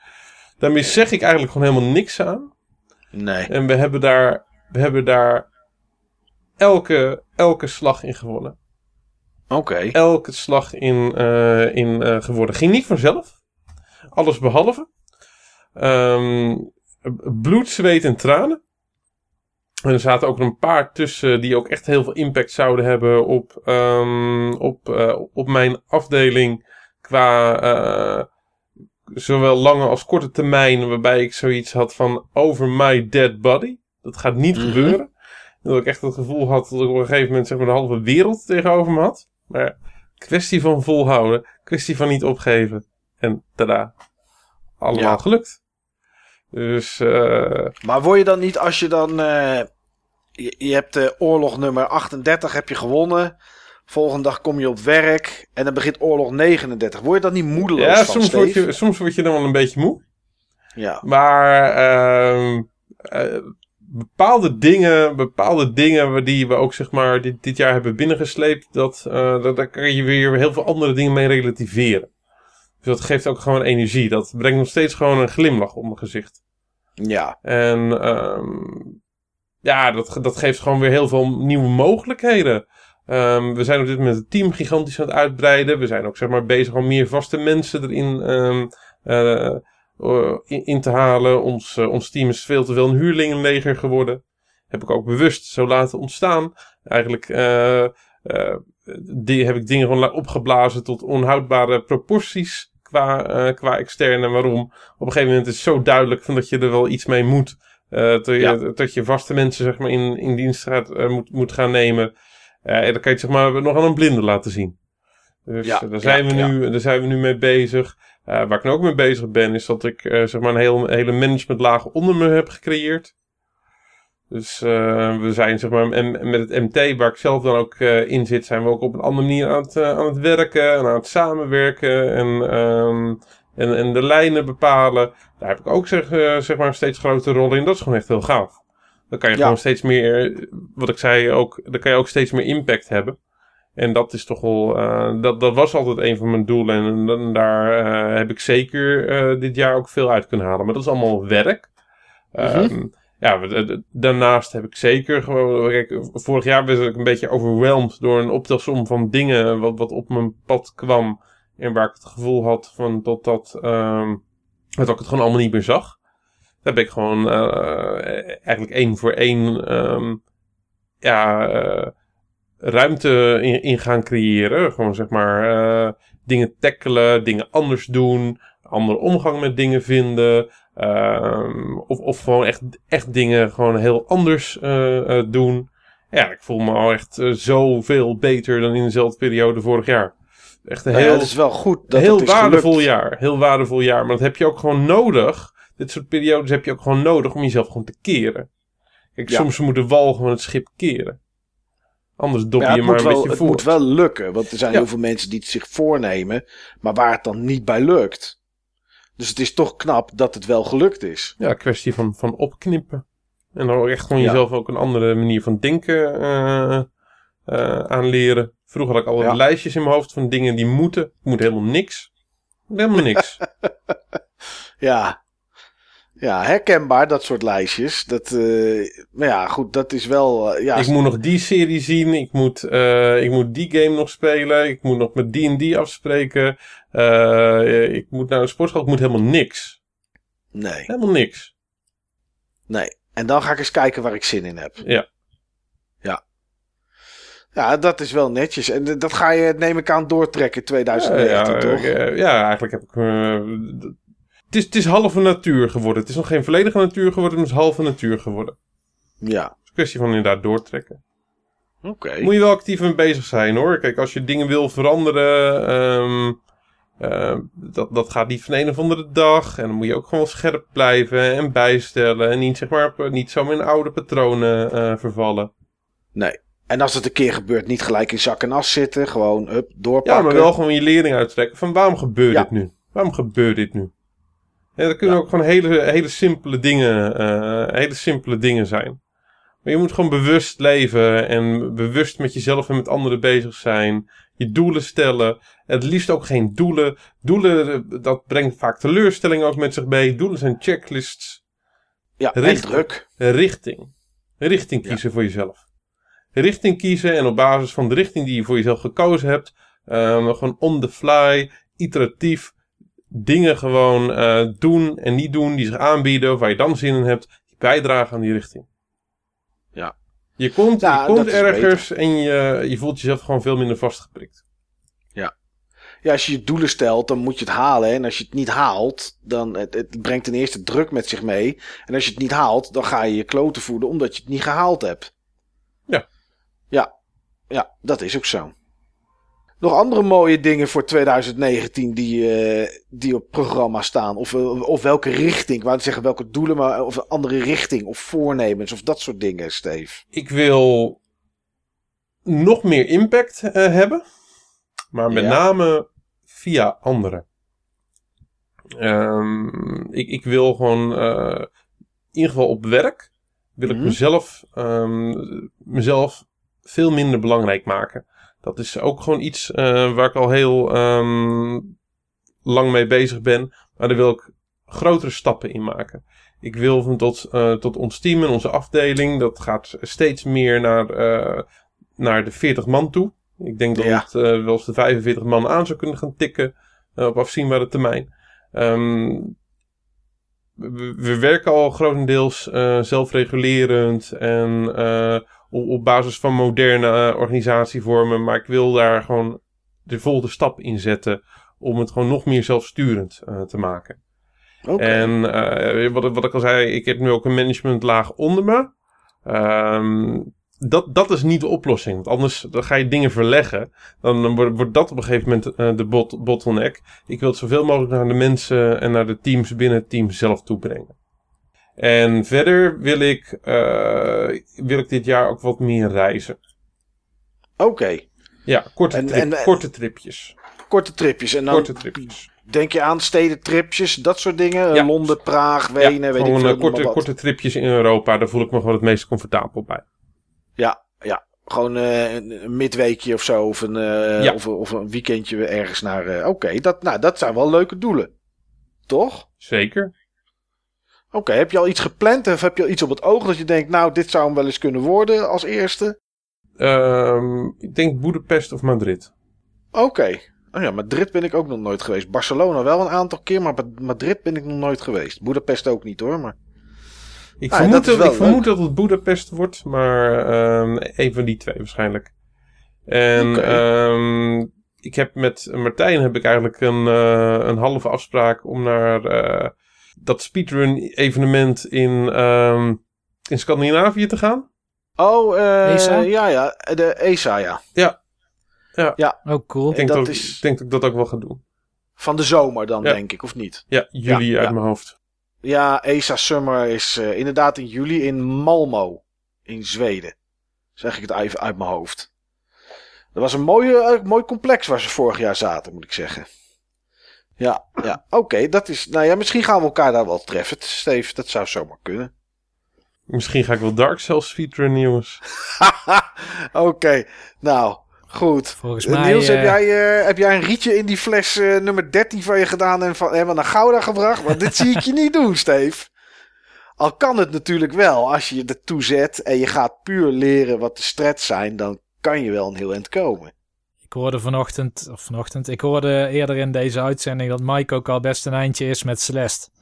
Ja, Ga jij dan, ga jij dan maar lekker Spyro the Dragon eh, speedrunnen, Mike? ja maar dan alleen die voor de cube. Eh, Die voor de cube, dat lukt wel. Binnen drie minuten geloof ik of zo. Vier minuten. En jij, Mike, wat, eh, hoe was jouw jaar? Ja, ik had een, eh een ouderwets. Mijn Ja, jaar veel was niet, veel gebeurd, hè? Ja, ik Veel heb eh, gebeurd heel, privé. veel, eh, heel veel ellende en gemekken gehad. Vooral in het tweede deel van het jaar. En eh, het eerste deel van het jaar was ik, was ik driftig begonnen met afvallen. Laten we eventjes, la- laat ik mezelf niet uitsluiten van, van de goede voornemens. Ehm, en ik was na een week of acht, na een week of negen of tien of zo, was ik iets meer dan 10 kilo kwijt volgens mij. 10, 10,5 of zoiets of wat dan ook. En dat is daarna helemaal versloft, joh. Daar heb ik helemaal niets meer aan gedaan. En eh, ik ben nu weer begonnen, want we zitten nu op eh 3 januari of zo. En ik ben nu weer twee dagen begonnen. Ehm, maar ik eh, ging gisterochtend op de weegschaal staan en ik was, het, eh, ik was ho- 100 gram zwaarder dan waar ik een jaar geleden ging staan en 10 kilo kwijt was geraakt. Dus alles wat ik kwijt was geraakt heb ik er ook weer bij gegeten en gedronken. Dus, eh, nou ja, goed. Ik eh, doe gewoon weer een verwoede poging. En eh, dat zal altijd wel een gevecht blijven, maar dat geeft niet. Dan, dat houdt het voor de rest misschien een beetje leuk. Dus ik ben nu weer begonnen met. ja, er staat nu geen cola en bonbonblok voor mijn neus, maar gewoon een glas met water. Een stuk minder lekker, maar goed. Het, eh, het Wel beter beetje. voor je. Ja, dat is wel beter. Dus eh, nee, ja, dat eh, is mijn enige echte goede voornemen ook voor, eh, voor eh, 2019 gelijk. Ja, en voor de rest was het eerste half jaar was best prima, maar het tweede half jaar, eh, nou ja, ik ga er niet voor de rest te veel over uitweiden, maar het, het, eh, nee, dat was geen hele beste. Ook op eh, werkvlak is het, eh, vind ik het nog steeds een beetje instabiel. En dat, eh, ja, ik weet niet wat daar eh, allemaal nog gaat gebeuren. Er verandert heel veel. En eh, er gaat nog heel veel veranderen met andere overnames die gedaan worden door het bedrijf waar wij door zijn overgenomen. En ja, ik weet niet precies wat dat allemaal gaat brengen. En dat is, eh, hoeft niet per se, het is niet de onzekerheid of zo, dat ik denk van, oh jee. Maar, eh, ja, weet je, er veranderen toch altijd dingen. Dat, eh, daar ontkom je niet aan. En eh, ja, op dit moment heb ik gewoon dagelijks een, een hoop bak gezeur, zeg maar, op mijn werk. Niet omdat ik dingen niet goed doe of zo, of, eh, of, dat, ik, of, of dat ik dingen niet doe, of, of weet ik veel wat. Maar gewoon, ja, er zijn problemen en, en iemand moet het oplossen. Ja, en dan komt het eigenlijk stevast op mijn bordje te liggen. En ja, De, de motor wordt een beetje gesmeerd met pek in plaats van olie. nou, dat, dat inderdaad, ja. ja, ja, ja Van Dat, afstandje eh, lijkt het op olie, maar het heeft toch echt een averechts effect. Ja, dat heeft het ook. En eh, ja, dat levert soms wel eens wat stress op om dat allemaal, eh, om dat allemaal recht te trekken. Wat Niels zeg maar heeft, dat hij energie haalt uit zijn werk. Dat is bij mij, ik ben gewoon eh, tegenwoordig echt moe als het, eh, als het vier uur is, zeg maar. Hmm. En dan ben ik, eh, ben ik blij dat het, eh, dat het voor die dag weer over is. En dan kijk ik naar mijn to-do-lijstje. En dan denk ik, ja, ik kan nog wel twee uur blijven zitten. Maar ik ga het toch niet afkrijgen. En morgen komen er weer een heleboel dingen bij. Dus het is, ehm, ja, het is nog een beetje roeien met de riemen, met de riemen die, ik, eh, die ik heb. En ja, ik weet het niet. Ik weet het niet. Ik vind het echt heel, vind het echt heel lastig. Dus nee, en dan, eh, nou ja, wat ik zei, nog wat privé dingen hier en daar met, eh, met ziektes en met overlijden en eh, allerlei andere zaken. En nou ja, die lijken op dit moment zich voort te zetten 2019 in. Dus ik, ja, ik hou daar maar niet heel te veel rekening mee dat dit dan in één keer een veel beter jaar gaat worden dan wat het, dan wat het was. Maar ja, Naar. Mike. Zo loopt het leven soms, jongens. Ja, de positieve dingen, eh, de positieve dingen ook gewoon wel blijven zoeken en blijven zien. Jawel, jawel. En het, ik bedoel, dat, is, dat doe ik ook wel hoor. Dat is het punt niet. Maar ja, er zijn wel eens, er zijn wel eens momenten dat die, dat die er niet doorheen komen, zeg maar. Dat is nu op dit moment niet hoor. Dat was voornamelijk in augustus. En eh, augustus, september. Toen, Toen eh, stapelde zich ook wel heel veel op. ja, tuurlijk. Toen was het, eh, een, eh, ja, was het echt een bak met, eh, bak met ellende. En daar is gelukkig redelijk wat van opgelost. Maar ja, goed. Er eh, zijn alweer nieuwe dingen die zich aan de horizon eh, hebben getoond. Dus eh, nou ja, het, maar voorlopig kan ik nog prima blijven lachen. Dus dat is, dat is voor de rest niet, nog, nog, niet, nog niet ernstig. Gelukkig. Ja. Ik moest Ja, trouwens en, ook een beetje om jou lachen, Mike. Waarom? Ehm 1 januari. Ja, Ik zag toen een, een bericht van jou. Ja, dat klopt. En het eerste dat ik dacht, oh, daar gaat hij weer. Ja, ja. Nou ja, dat is terecht dat je dat dacht. En ehm, voor de mensen die nu zitten luisteren en denken, waar gaat dit nu weer over? Ehm, ehm, ja, ik ben gestopt met eh, schrijven voor Duimschroef en het spelen van reviews en dat soort dingen. Daar ben ik, heb ik eh, één, nou eigenlijk niet 1 januari ben ik daarmee gestopt. Daar ben ik in mijn hoofd ergens in juli al mee gestopt. Alleen ik heb het wel voortgezet tot 1 januari.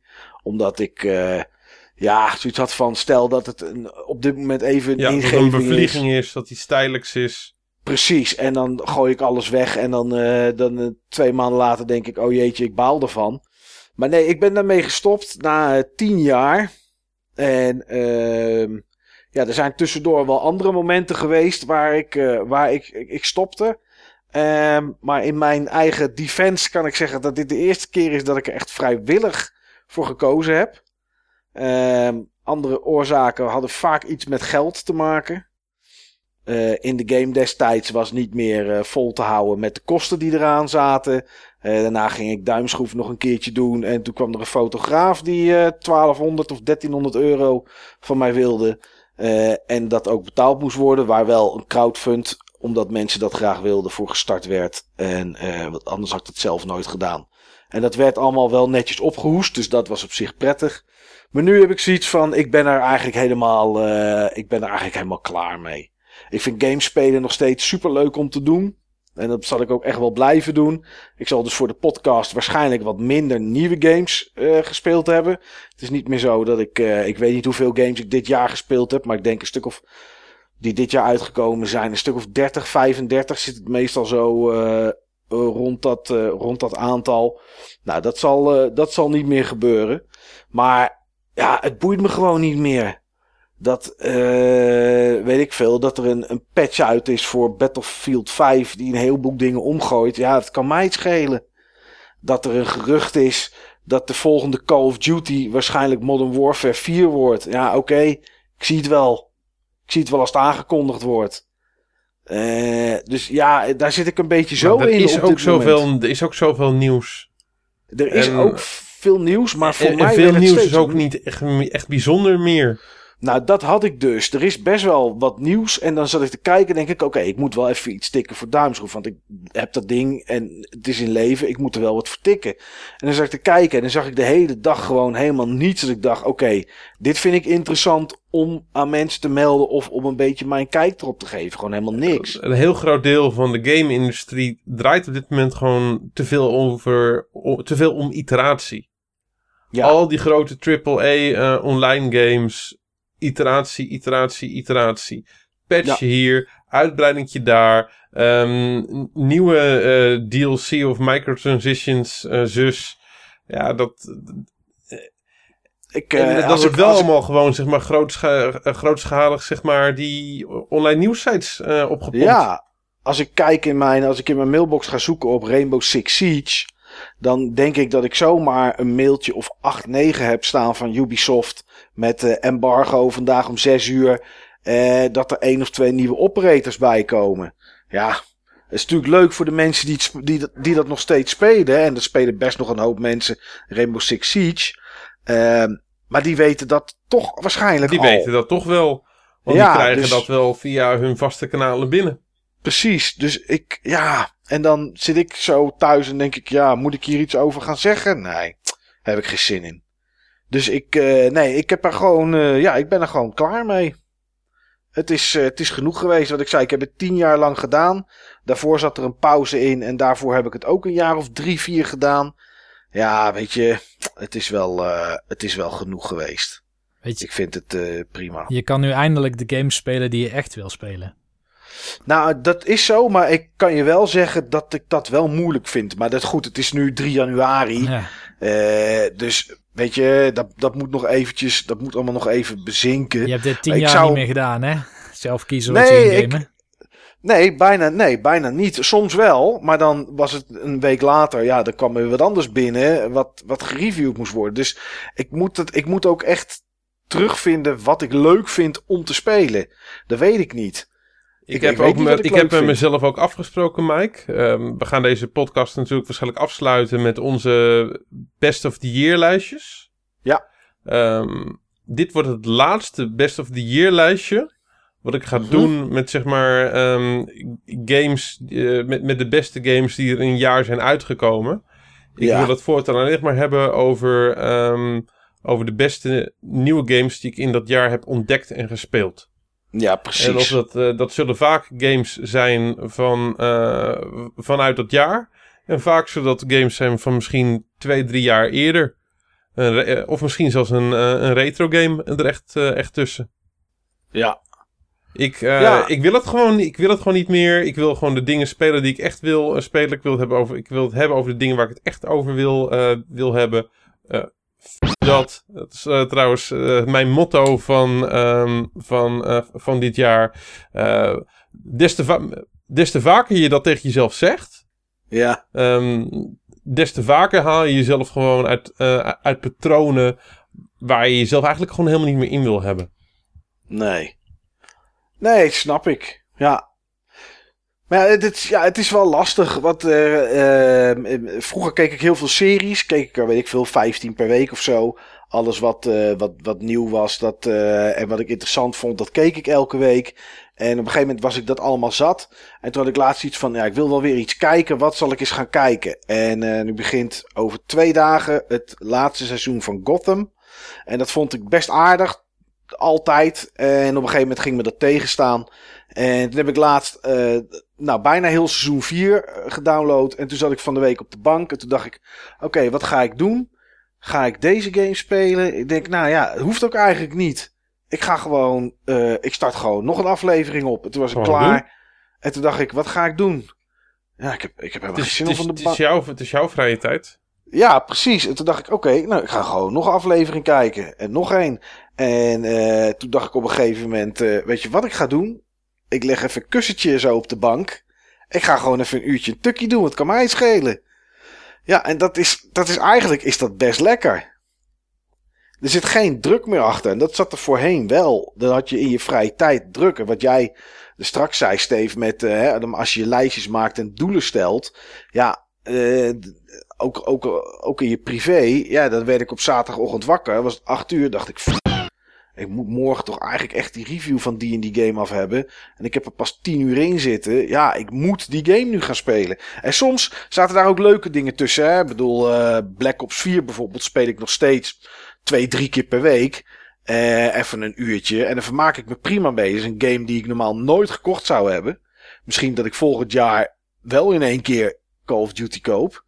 Omdat ik me er nu best wel goed mee vermaak.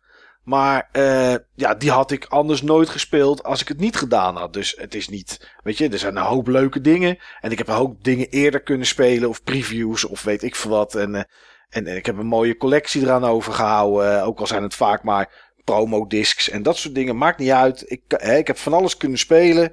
En, maar ja, ik heb ook een hoop gespeeld dat ik denk van ja, hier heb ik echt gewoon helemaal geen zin in.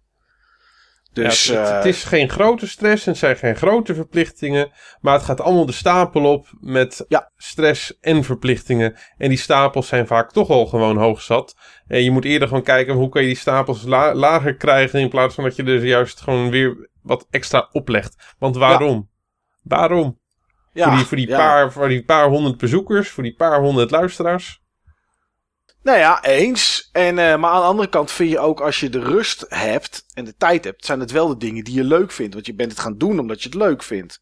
Maar goed, wil niet zeggen dat ja. het nooit meer. Uh, dat, dat je het dan voor eeuwig leuk moet vinden. Klopt, en betekent ook niet maar dat je het bent gaan doen omdat, het, uh, omdat je het leuk vindt. Betekent niet van dat je het nog steeds leuk hoeft te vinden.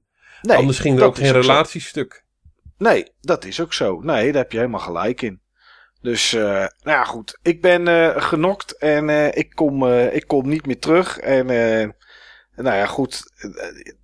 Of mensen dat geloven of niet, kan ik snappen. Heb ik ook in mijn afscheidsbericht gezet. En ik heb één slag om de arm gehouden. Dat wel. Ik heb het domein opagamer.nl heb ik geregistreerd. maar daar mag ik pas wat mee doen als ik 65 ben van mezelf. En opa bent. Ja, nou ja. Nou, daar wordt dan... wel aan gewerkt. Ja, dat vrees ik inderdaad wel. Uh, maar uh, nee, ja, dat is. Uh, als je 65 bent, dan word je toch wel als opa aangezien. Dus of je nou, of je nou kleinkinderen hebt of niet. Maar dat duurt gelukkig nog eventjes. Al was er van de week iemand die zei: Oh, dat duurt nog wel een jaartje of 40 natuurlijk. iemand van een uitgever. Toen moest ik toch schoorvoeten toegeven dat dat eigenlijk 23 jaar is. Maar goed, ik heb het domein en uh, wie weet uh, ga ik daar ooit nog eens wat mee doen. Maar goed, het is, uh, ja, we zien wel wat er, nou ja, niet we zien wel, maar ik zie wel wat ik met mijn tijd voor de rest ga doen. Ik bedoel, op mijn fameuze whiteboard, wat dan? Gears 5 spelen met mij. Ja, dat, maar dat is een weekendje, Niels. Oké. Dan zijn we er wel doorheen, denk ik. Nee, ja, ik heb, ik heb zoveel staan wat ik nog wil spelen. En uh, daarvoor heb ik ook voor het komende jaar qua games heb ik besloten. Ik heb mijn Xbox One staat op zolder. Uh, die heb ik daar weggezet, omdat ik er nooit iets mee deed. Um, ja, die heb ik toch weer uit de kast gehaald en die haal ik binnenkort naar beneden. En dan neem ik heel fijn de Xbox Game Pass bij. Daar zitten gewoon drie games in die ik graag een keer wil spelen. En daar komen nog zoveel mooie games ook bij. Uh, weet je, dat ik dat ga, dat ik dat ga doen. En dan ga ik gewoon eens Ze stoppen daar nu ook steeds meer games van andere uitgevers in, hè? Klopt. Uh, Darksiders 3 staan ook in de Game Pass. Ja, ja, snap ik. Want dat moet je zo snel mogelijk vanaf, van dat gedrocht. Um, ai, ai, ai, ai, ai. Ja, het is zo. Ik kan het niet anders gespeeld? maken. Ik heb het gespeeld, ja zeker. Okay. Ja. Maar er zit bijvoorbeeld uh, Mutant Year Zero zit erin. Is een indie game. Die kost uh, 35. Het gaat maar niet om het geld, maar het kost 35 op de PS4. Uh, en die zit gewoon in de Xbox Game Pass. En die wil ik echt heel graag spelen. Het is een soort XCOM-achtige game met gemuteerde A. Nee, aap wou ik zeggen, maar het is gemuteerde eend. En, en nog iets, een varken volgens mij of zo. En een vos en weet ik wat allemaal. Super toffe game. Nou ja, goed, die zit gewoon in die Game Pass. Uh, Ashen, bijvoorbeeld, ook zo'n indie, uh, indie game. Die wil ik ook graag spelen. Ja, zit er ook in. Nou ja, vandaag zag ik dat, uh, die hoef ik dan niet te spelen. Maar dat Life is Strange 2 Episode 1 nu erin zit. En dat binnenkort ook 2 erin komt en dat ze het hele seizoen erin gaan stoppen. Ja, ga ik dat gewoon lekker doen. En ik hoef niet meer per se dan games op dag 1 te spelen. Er zijn genoeg games hoor die ik ga kopen volgend jaar. Maar dan komen we straks... Oh nee, dus volgende uitzending komen daar wel op. Of deel 2 van het jaar overzicht. Met games waar ik naar uitkijk voor volgend jaar. Maar uh, ja, als ik die niet allemaal op dag 1 speel. Ja, weet je, prima joh. Wacht ik toch gewoon een, uh, een maand of drie. Prima. Kan mij of langer. Ja, ja. Nog, nog, één, nog één vraag, uh, Mike. Ja. Wat is nu de status van Mike's Minutes? Ja, dat is, ga ik, weet ik nog niet. Op dit moment ben ik daar ook eigenlijk mee gestopt. Omdat ik daarmee in dezelfde sleur zat als voor het schrijven van Duimschroef, zeg maar. Uh, ik, ik, ik weet niet of ik elke week nog wel iets nieuws of iets anders speel. Waardoor het interessant is om daar iets mee te doen. Maar goed, ik heb er ook andere ideeën over, maar dat, weet ik, ja, dat hangt een beetje tussenin nog op dit moment. Dus voorlopig laat ik het nog even rusten. Dat wel. Dat wel. Um, nou goed, dat is uh, ja onze. Uh, nou, wat een praatje. Dit eventjes, jongens. Uh, even een persoonlijke, een persoonlijke noot. het schoot helemaal uit de bocht, net als Praatje Podcast. Nou, nee man, dit ging gewoon over ons en over games en over werk. Nou ja, goed. Ja, hoort ook een beetje bij, toch? Zeg maar een beetje terugkijken. Zeker, bij het jaaroverzicht hoort het zeker erbij. Uh, wat we tot slot nog even gaan doen in, deze, in, in dit eerste deel van het jaaroverzicht is uh, even kijken naar het forum. Uh, als je op het forum zit, staat daar een jaaroverzicht. Daar kan je uh, best wel interessante en grappige dingen in terugvinden. Ehm, de grote cijfers staan daarin, maar ik wil ze toch ook wel even noemen hier in de, in de podcast. Um, eind 2017 hadden we 22, 222.339 berichten op het forum staan. En eind van vorig jaar waren dat er 249.865. Nou, uh, misschien hebben we hele snelle hoofdrekenaars, maar als je dat uh, van elkaar aftrekt en deelt door 365, kom je aan gemiddeld zo'n 75, net iets meer met een komma, maar goed, ongeveer zo'n 75 berichten per dag op het forum die, uh, die er geplaatst worden. Dus dat kan een nieuw topic zijn of een reply, maar nieuwe berichten zijn er in ieder geval gemiddeld zo'n 75 per dag. Uh, aantal leden eind 2017 was 1107. Dat waren er eind 2018 1231. Dus er zijn 124 nieuwe leden bijgekomen. Nou, dat is toch om de 2, nog iets dag een, een nieuw lid erbij. Dus dat is nog steeds, uh, nog steeds loopt dat rustig en, uh, en, en langzaam op. Dus dat is mooi. Uh, een record dat we vorig jaar niet dachten te verbreken. maar dat toch lukte. En dit jaar zeker niet dachten te verbreken. Maar toch ook lukte. Waren het meeste aantal bezoekers online. Um, en dat Welke was dag op, was dat? Vorig jaar was het, in 2017 was het 16 december. Toen hadden we 76 bezoekers online. En dit jaar was het 14 oktober. En toen waren er 130 bezoekers online op het forum. En ik heb eens even gekeken of er dan iets speciaals aan de hand was of zo. Of dat we misschien een topic hadden over iets Waar heel veel mensen via Google op binnenkwamen. Maar de meeste mensen die dag kwamen eigenlijk gewoon op de voorkant van het forum binnen. En keken naar wat voor nieuwe berichten er waren. Dus het was eigenlijk gewoon normaal gedrag eigenlijk. Dus uh, er kwamen die dag kwamen er wel 141 mensen binnen via Google. Dus uh, ja, ik weet niet, misschien uh, was er iets op tv geweest over retro games of zo, of wat dan ook. Ik heb, uh, ik heb er geen verklaring voor. Er was niet één topic wat er ineens uitsprong of zo. Het, uh, ja, het was gewoon uh, druk op die dag. Uh, tenminste, in ieder geval tegelijkertijd. 130, 130 mensen tegelijkertijd op het forum. ja, mocht je meer willen weten, zoals gezegd, er staat op het forum een topic. Ehm, daar staat bijvoorbeeld in wat de gemiddelde leeftijd is van de bezoekers. Welke browsers. Er zitten een paar hele exotische browsers tussen waar ik nog nooit van had gehoord. Mensen gebruiken om ons te bezoeken. Uh, welke plaatsen de, ons het meest bezoeken. Welke uh, landen ons het meest bezoeken. Dat soort, uh, dat soort weetjes, dat, die staan op het forum. Dus mocht je daar interesse in hebben, zou ik daar zeker eventjes een, een blik op werpen.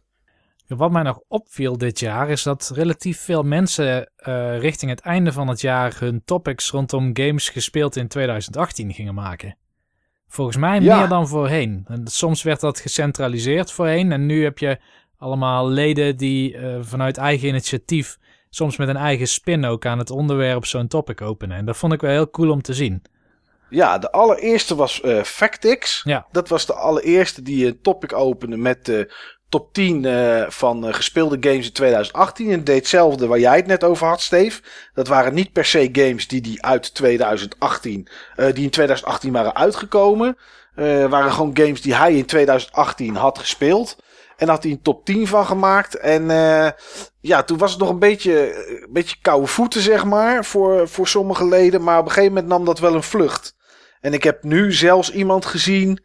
En ik weet even niet wie. Dus excuses, omdat ik het uh, zo eventjes uh, uit mijn hoofd moet doen. Die gaat 128 Commodore 64 games spelen. Volgens mij is dat Toe Jam. Is het Toe Jam? Ja. Oh, dat zou je goed kunnen. En de eerste game staat er al op, inderdaad. En dan doet hij een beschrijving daarvan. En uh, wat het is. En screenshots. En hoe hij het ervaren heeft. En dat soort dingen allemaal. Dus nee, dat was inderdaad heel tof. ik heb nou zeker wel een stuk of tien lijstjes topics gezien van mensen, zeg maar, aan het einde van het jaar, als er niet meer waren. Ja, en dat is iets waar ik ook aan begonnen was. En na één game hield het al op. En dat was een beetje mijnzelfde schrijversblok als wat ik uh, zeg maar heb met, uh, met duimschroef. Dat ik dacht van ik ga gewoon ook even lekker niks meer schrijven.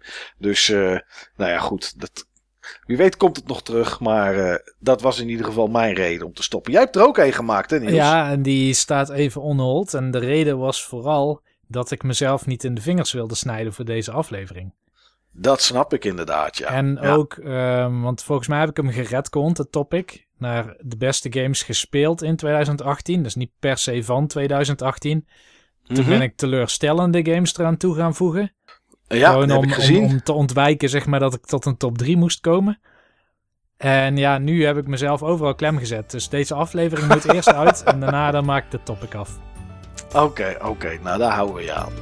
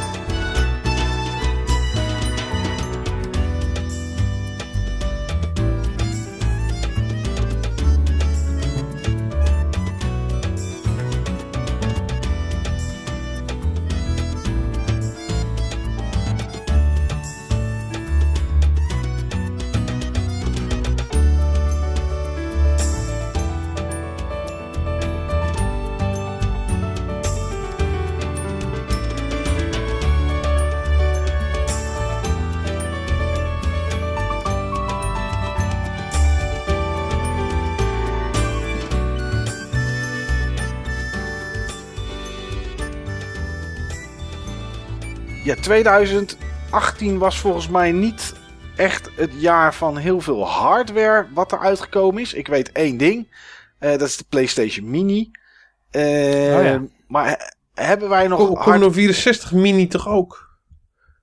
Of was oh, het vorig jaar? ja. Nee. Oeh. Uh, nou, was dat jeetje. begin dit jaar? Was dat begin dit jaar? Die heb ik, die heb ik een beetje verbannen. Eh... Nou, maar dat, daar zeg je wel iets. Uh... Ja, dat is dit jaar geweest, inderdaad, ja. April 2018.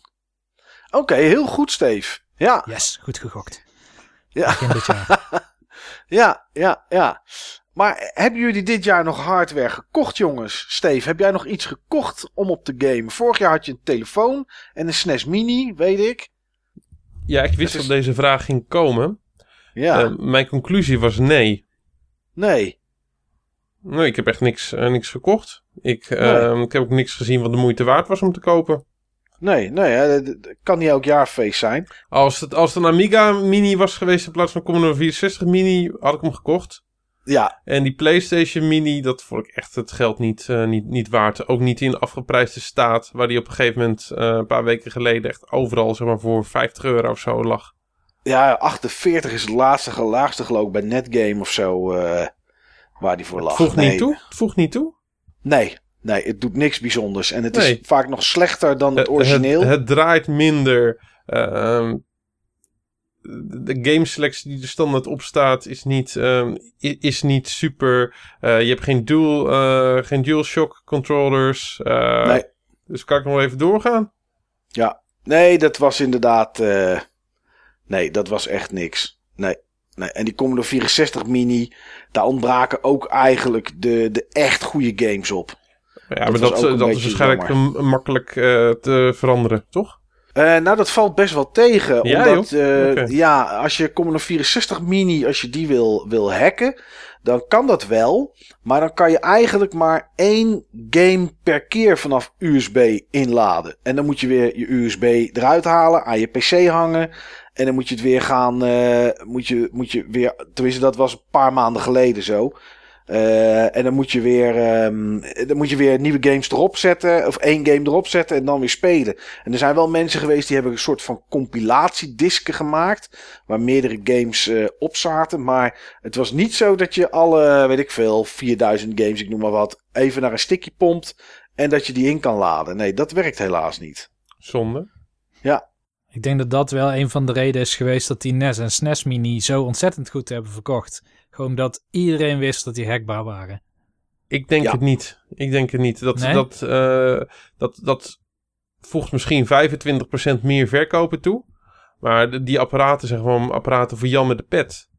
Dat is zeg maar, eh, die niet eens weet eh, van, van hoe, je het, hoe je het moet hacken of dat je het kan eh, hacken. Nee, Ehm, het is wel Dit- zo dat het Dit zijn die apparaten lastig. waar Jeroen het ook over had. Met zeg maar die, die evergreen titels waar altijd, eh, waar altijd vraag naar was. En dat, ze- Ja. dat mensen het zeg maar op een verjaardag hadden van weet je nog. Ja, nou ja, dat is, ik, ik, ik denk wel dat hij meer verkocht is omdat hij te hacken is. Maar ik weet Zeker, dat- maar dat is een kwart. Dat maakt echt maar een Ja, kwart Ja, uit. dat zou kunnen. zeker. Maar als jij wel op eh, bijvoorbeeld YouTube op SNES Mini zoekt, dan staan de hackvideo's best hoog. En is dat een van de automatische aanvulopties. ja, dat ja, maar zeker. dat heeft ook te maken met hoe wij eh, door YouTube geclassificeerd zijn, hè? Er zitten ook hele ingewikkelde algoritmes achter. YouTube weet ook van dat wij geen standaard gamers zijn. Ja, dat zou Nee. kunnen. Nee, Ja. dat is zo. Dat, is zo. Dat, eh, dat gaat enorm, eh, dat gaat enorm diep. Er zit een wijze diepe deep learning achter. Ja, Dus, als- ehm, omdat hij weet dat ik kijk naar video's van eh, Jerry, Rick, Everything. De gast die altijd telefoons uit elkaar haalt.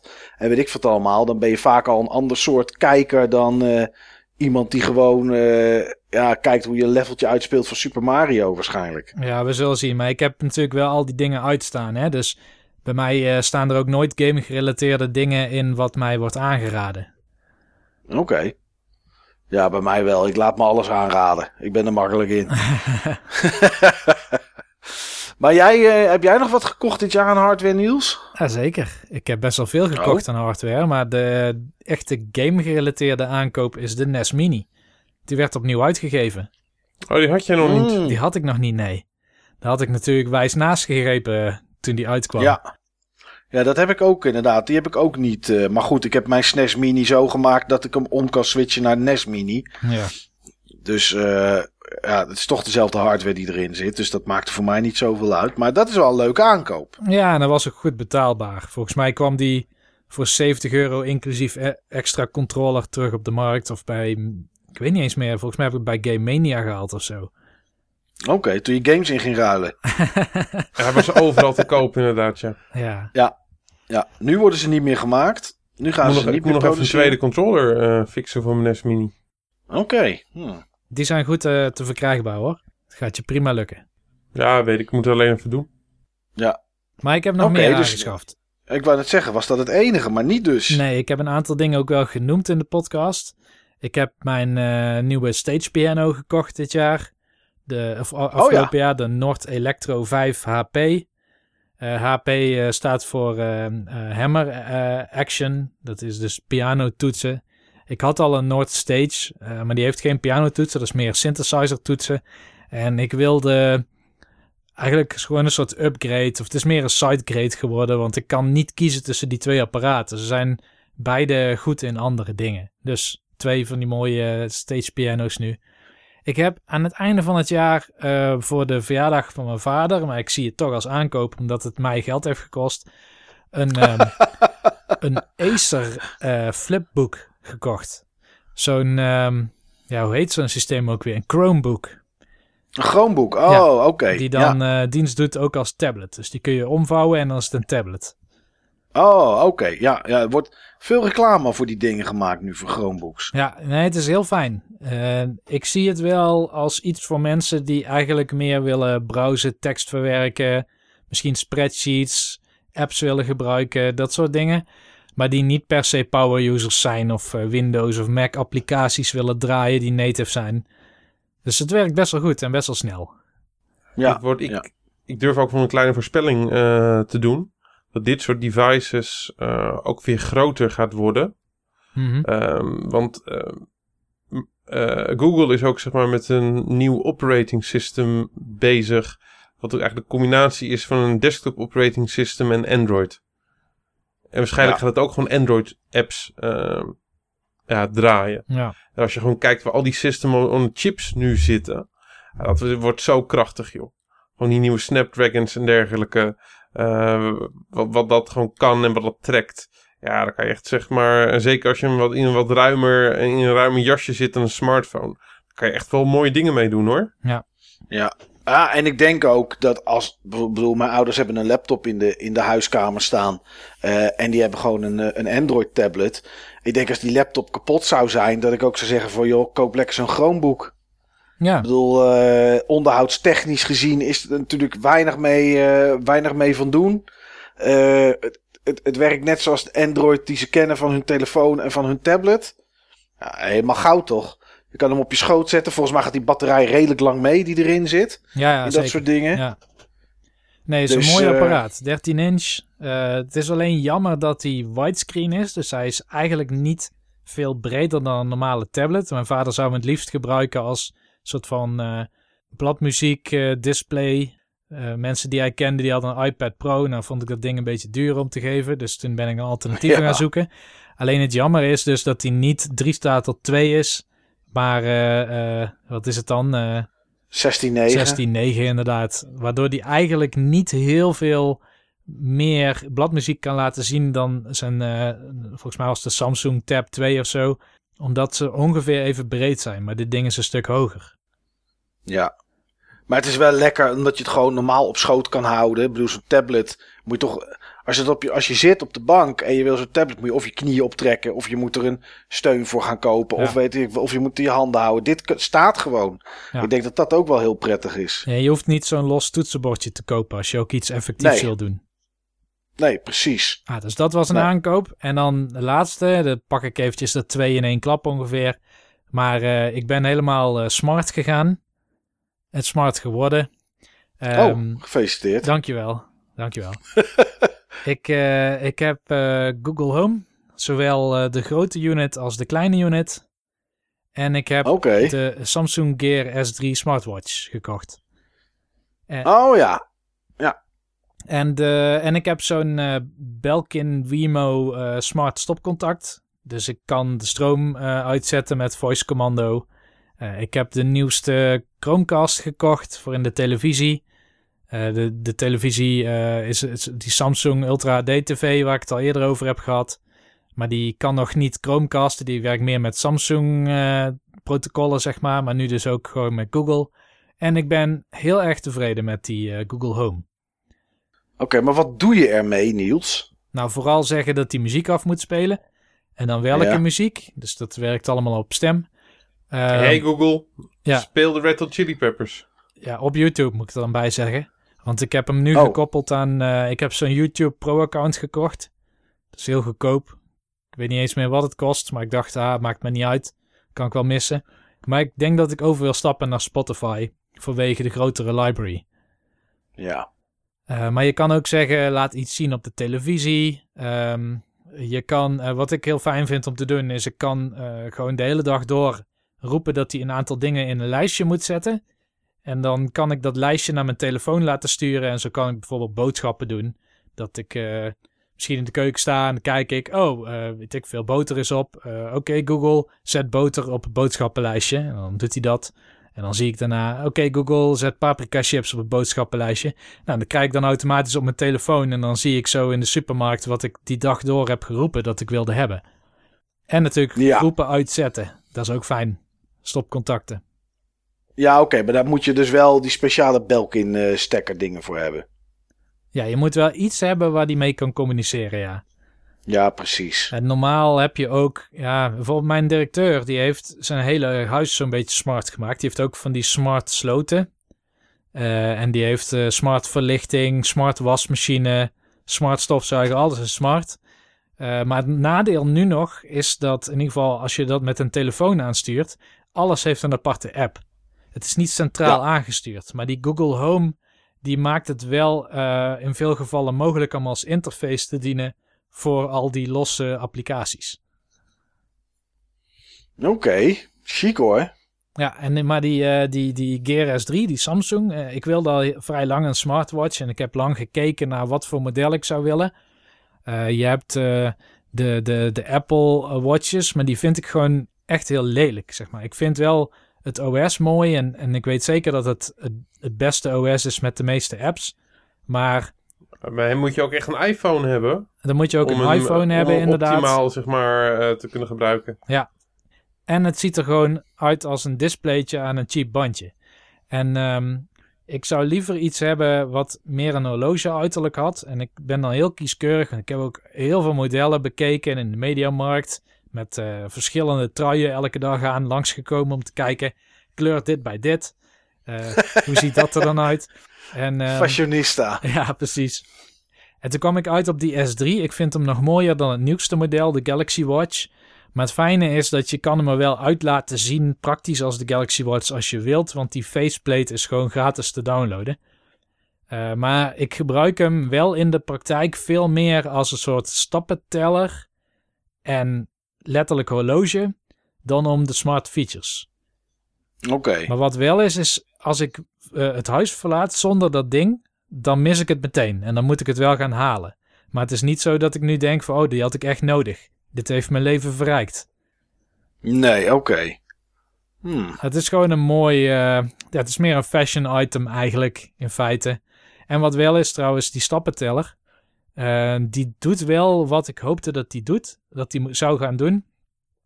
Ik heb niet als doelstelling gehad of zo in 2018 om misschien meer te bewegen. Want ik, ik sport niet, ik ga niet naar de sportschool. Maar ik loop veel dagelijks. Ik neem ook veel trappen. Ik neem ook altijd trappen.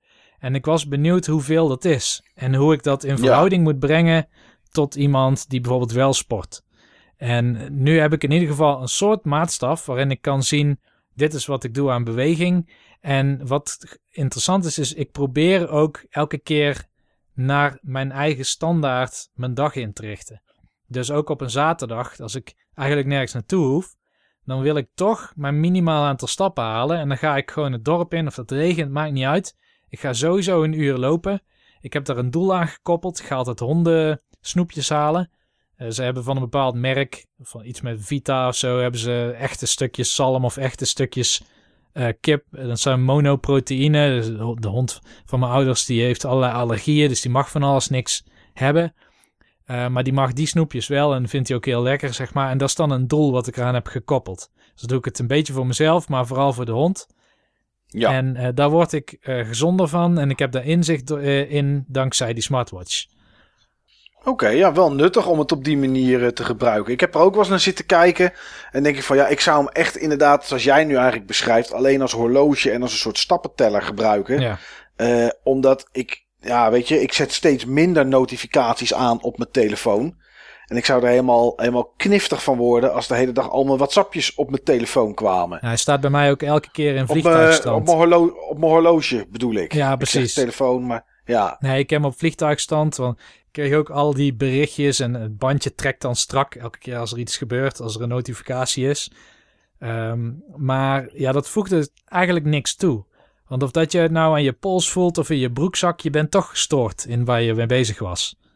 Ja. Dus het is niet dat je er efficiënter van wordt of zo. Het gaat je geen tijd besparen in de praktijk. Ehm, het enige wat ik wel handig vind, is dat hij eh, mijn agenda kan synken, waardoor ik mijn agenda kan zien terwijl ik ogenschijnlijk met iemand in gesprek ben. Ja. Oké, snap ik. Ja. Ja, dat is het enige dat... eh, In mijn agenda zet ik ook allerlei dingen, maar ik moet altijd mijn telefoon unlocken, wil ik ze zien. Ja, precies. Ja, ja. Dat zou dan eventueel... eh, Oké, nou ja, dan heb je toch nog redelijk wat gekocht, Niels. Ja, het was geen goedkoop jaar, nee. nee, het enige dat ik zelf gekocht heb eh, is eh, een PS4 Pro. Oh ja. Dat is eigenlijk het, eh, dat is eigenlijk het enige. Ik heb mijn PS4 omgeruild ergens in augustus was dat, in mijn vakantie. En die heb ik ingeleverd. En ehm, nou ja, netjes met doos, controller, alles erbij. En een PS4 Pro met extra controller daarvoor, daarvoor teruggekocht.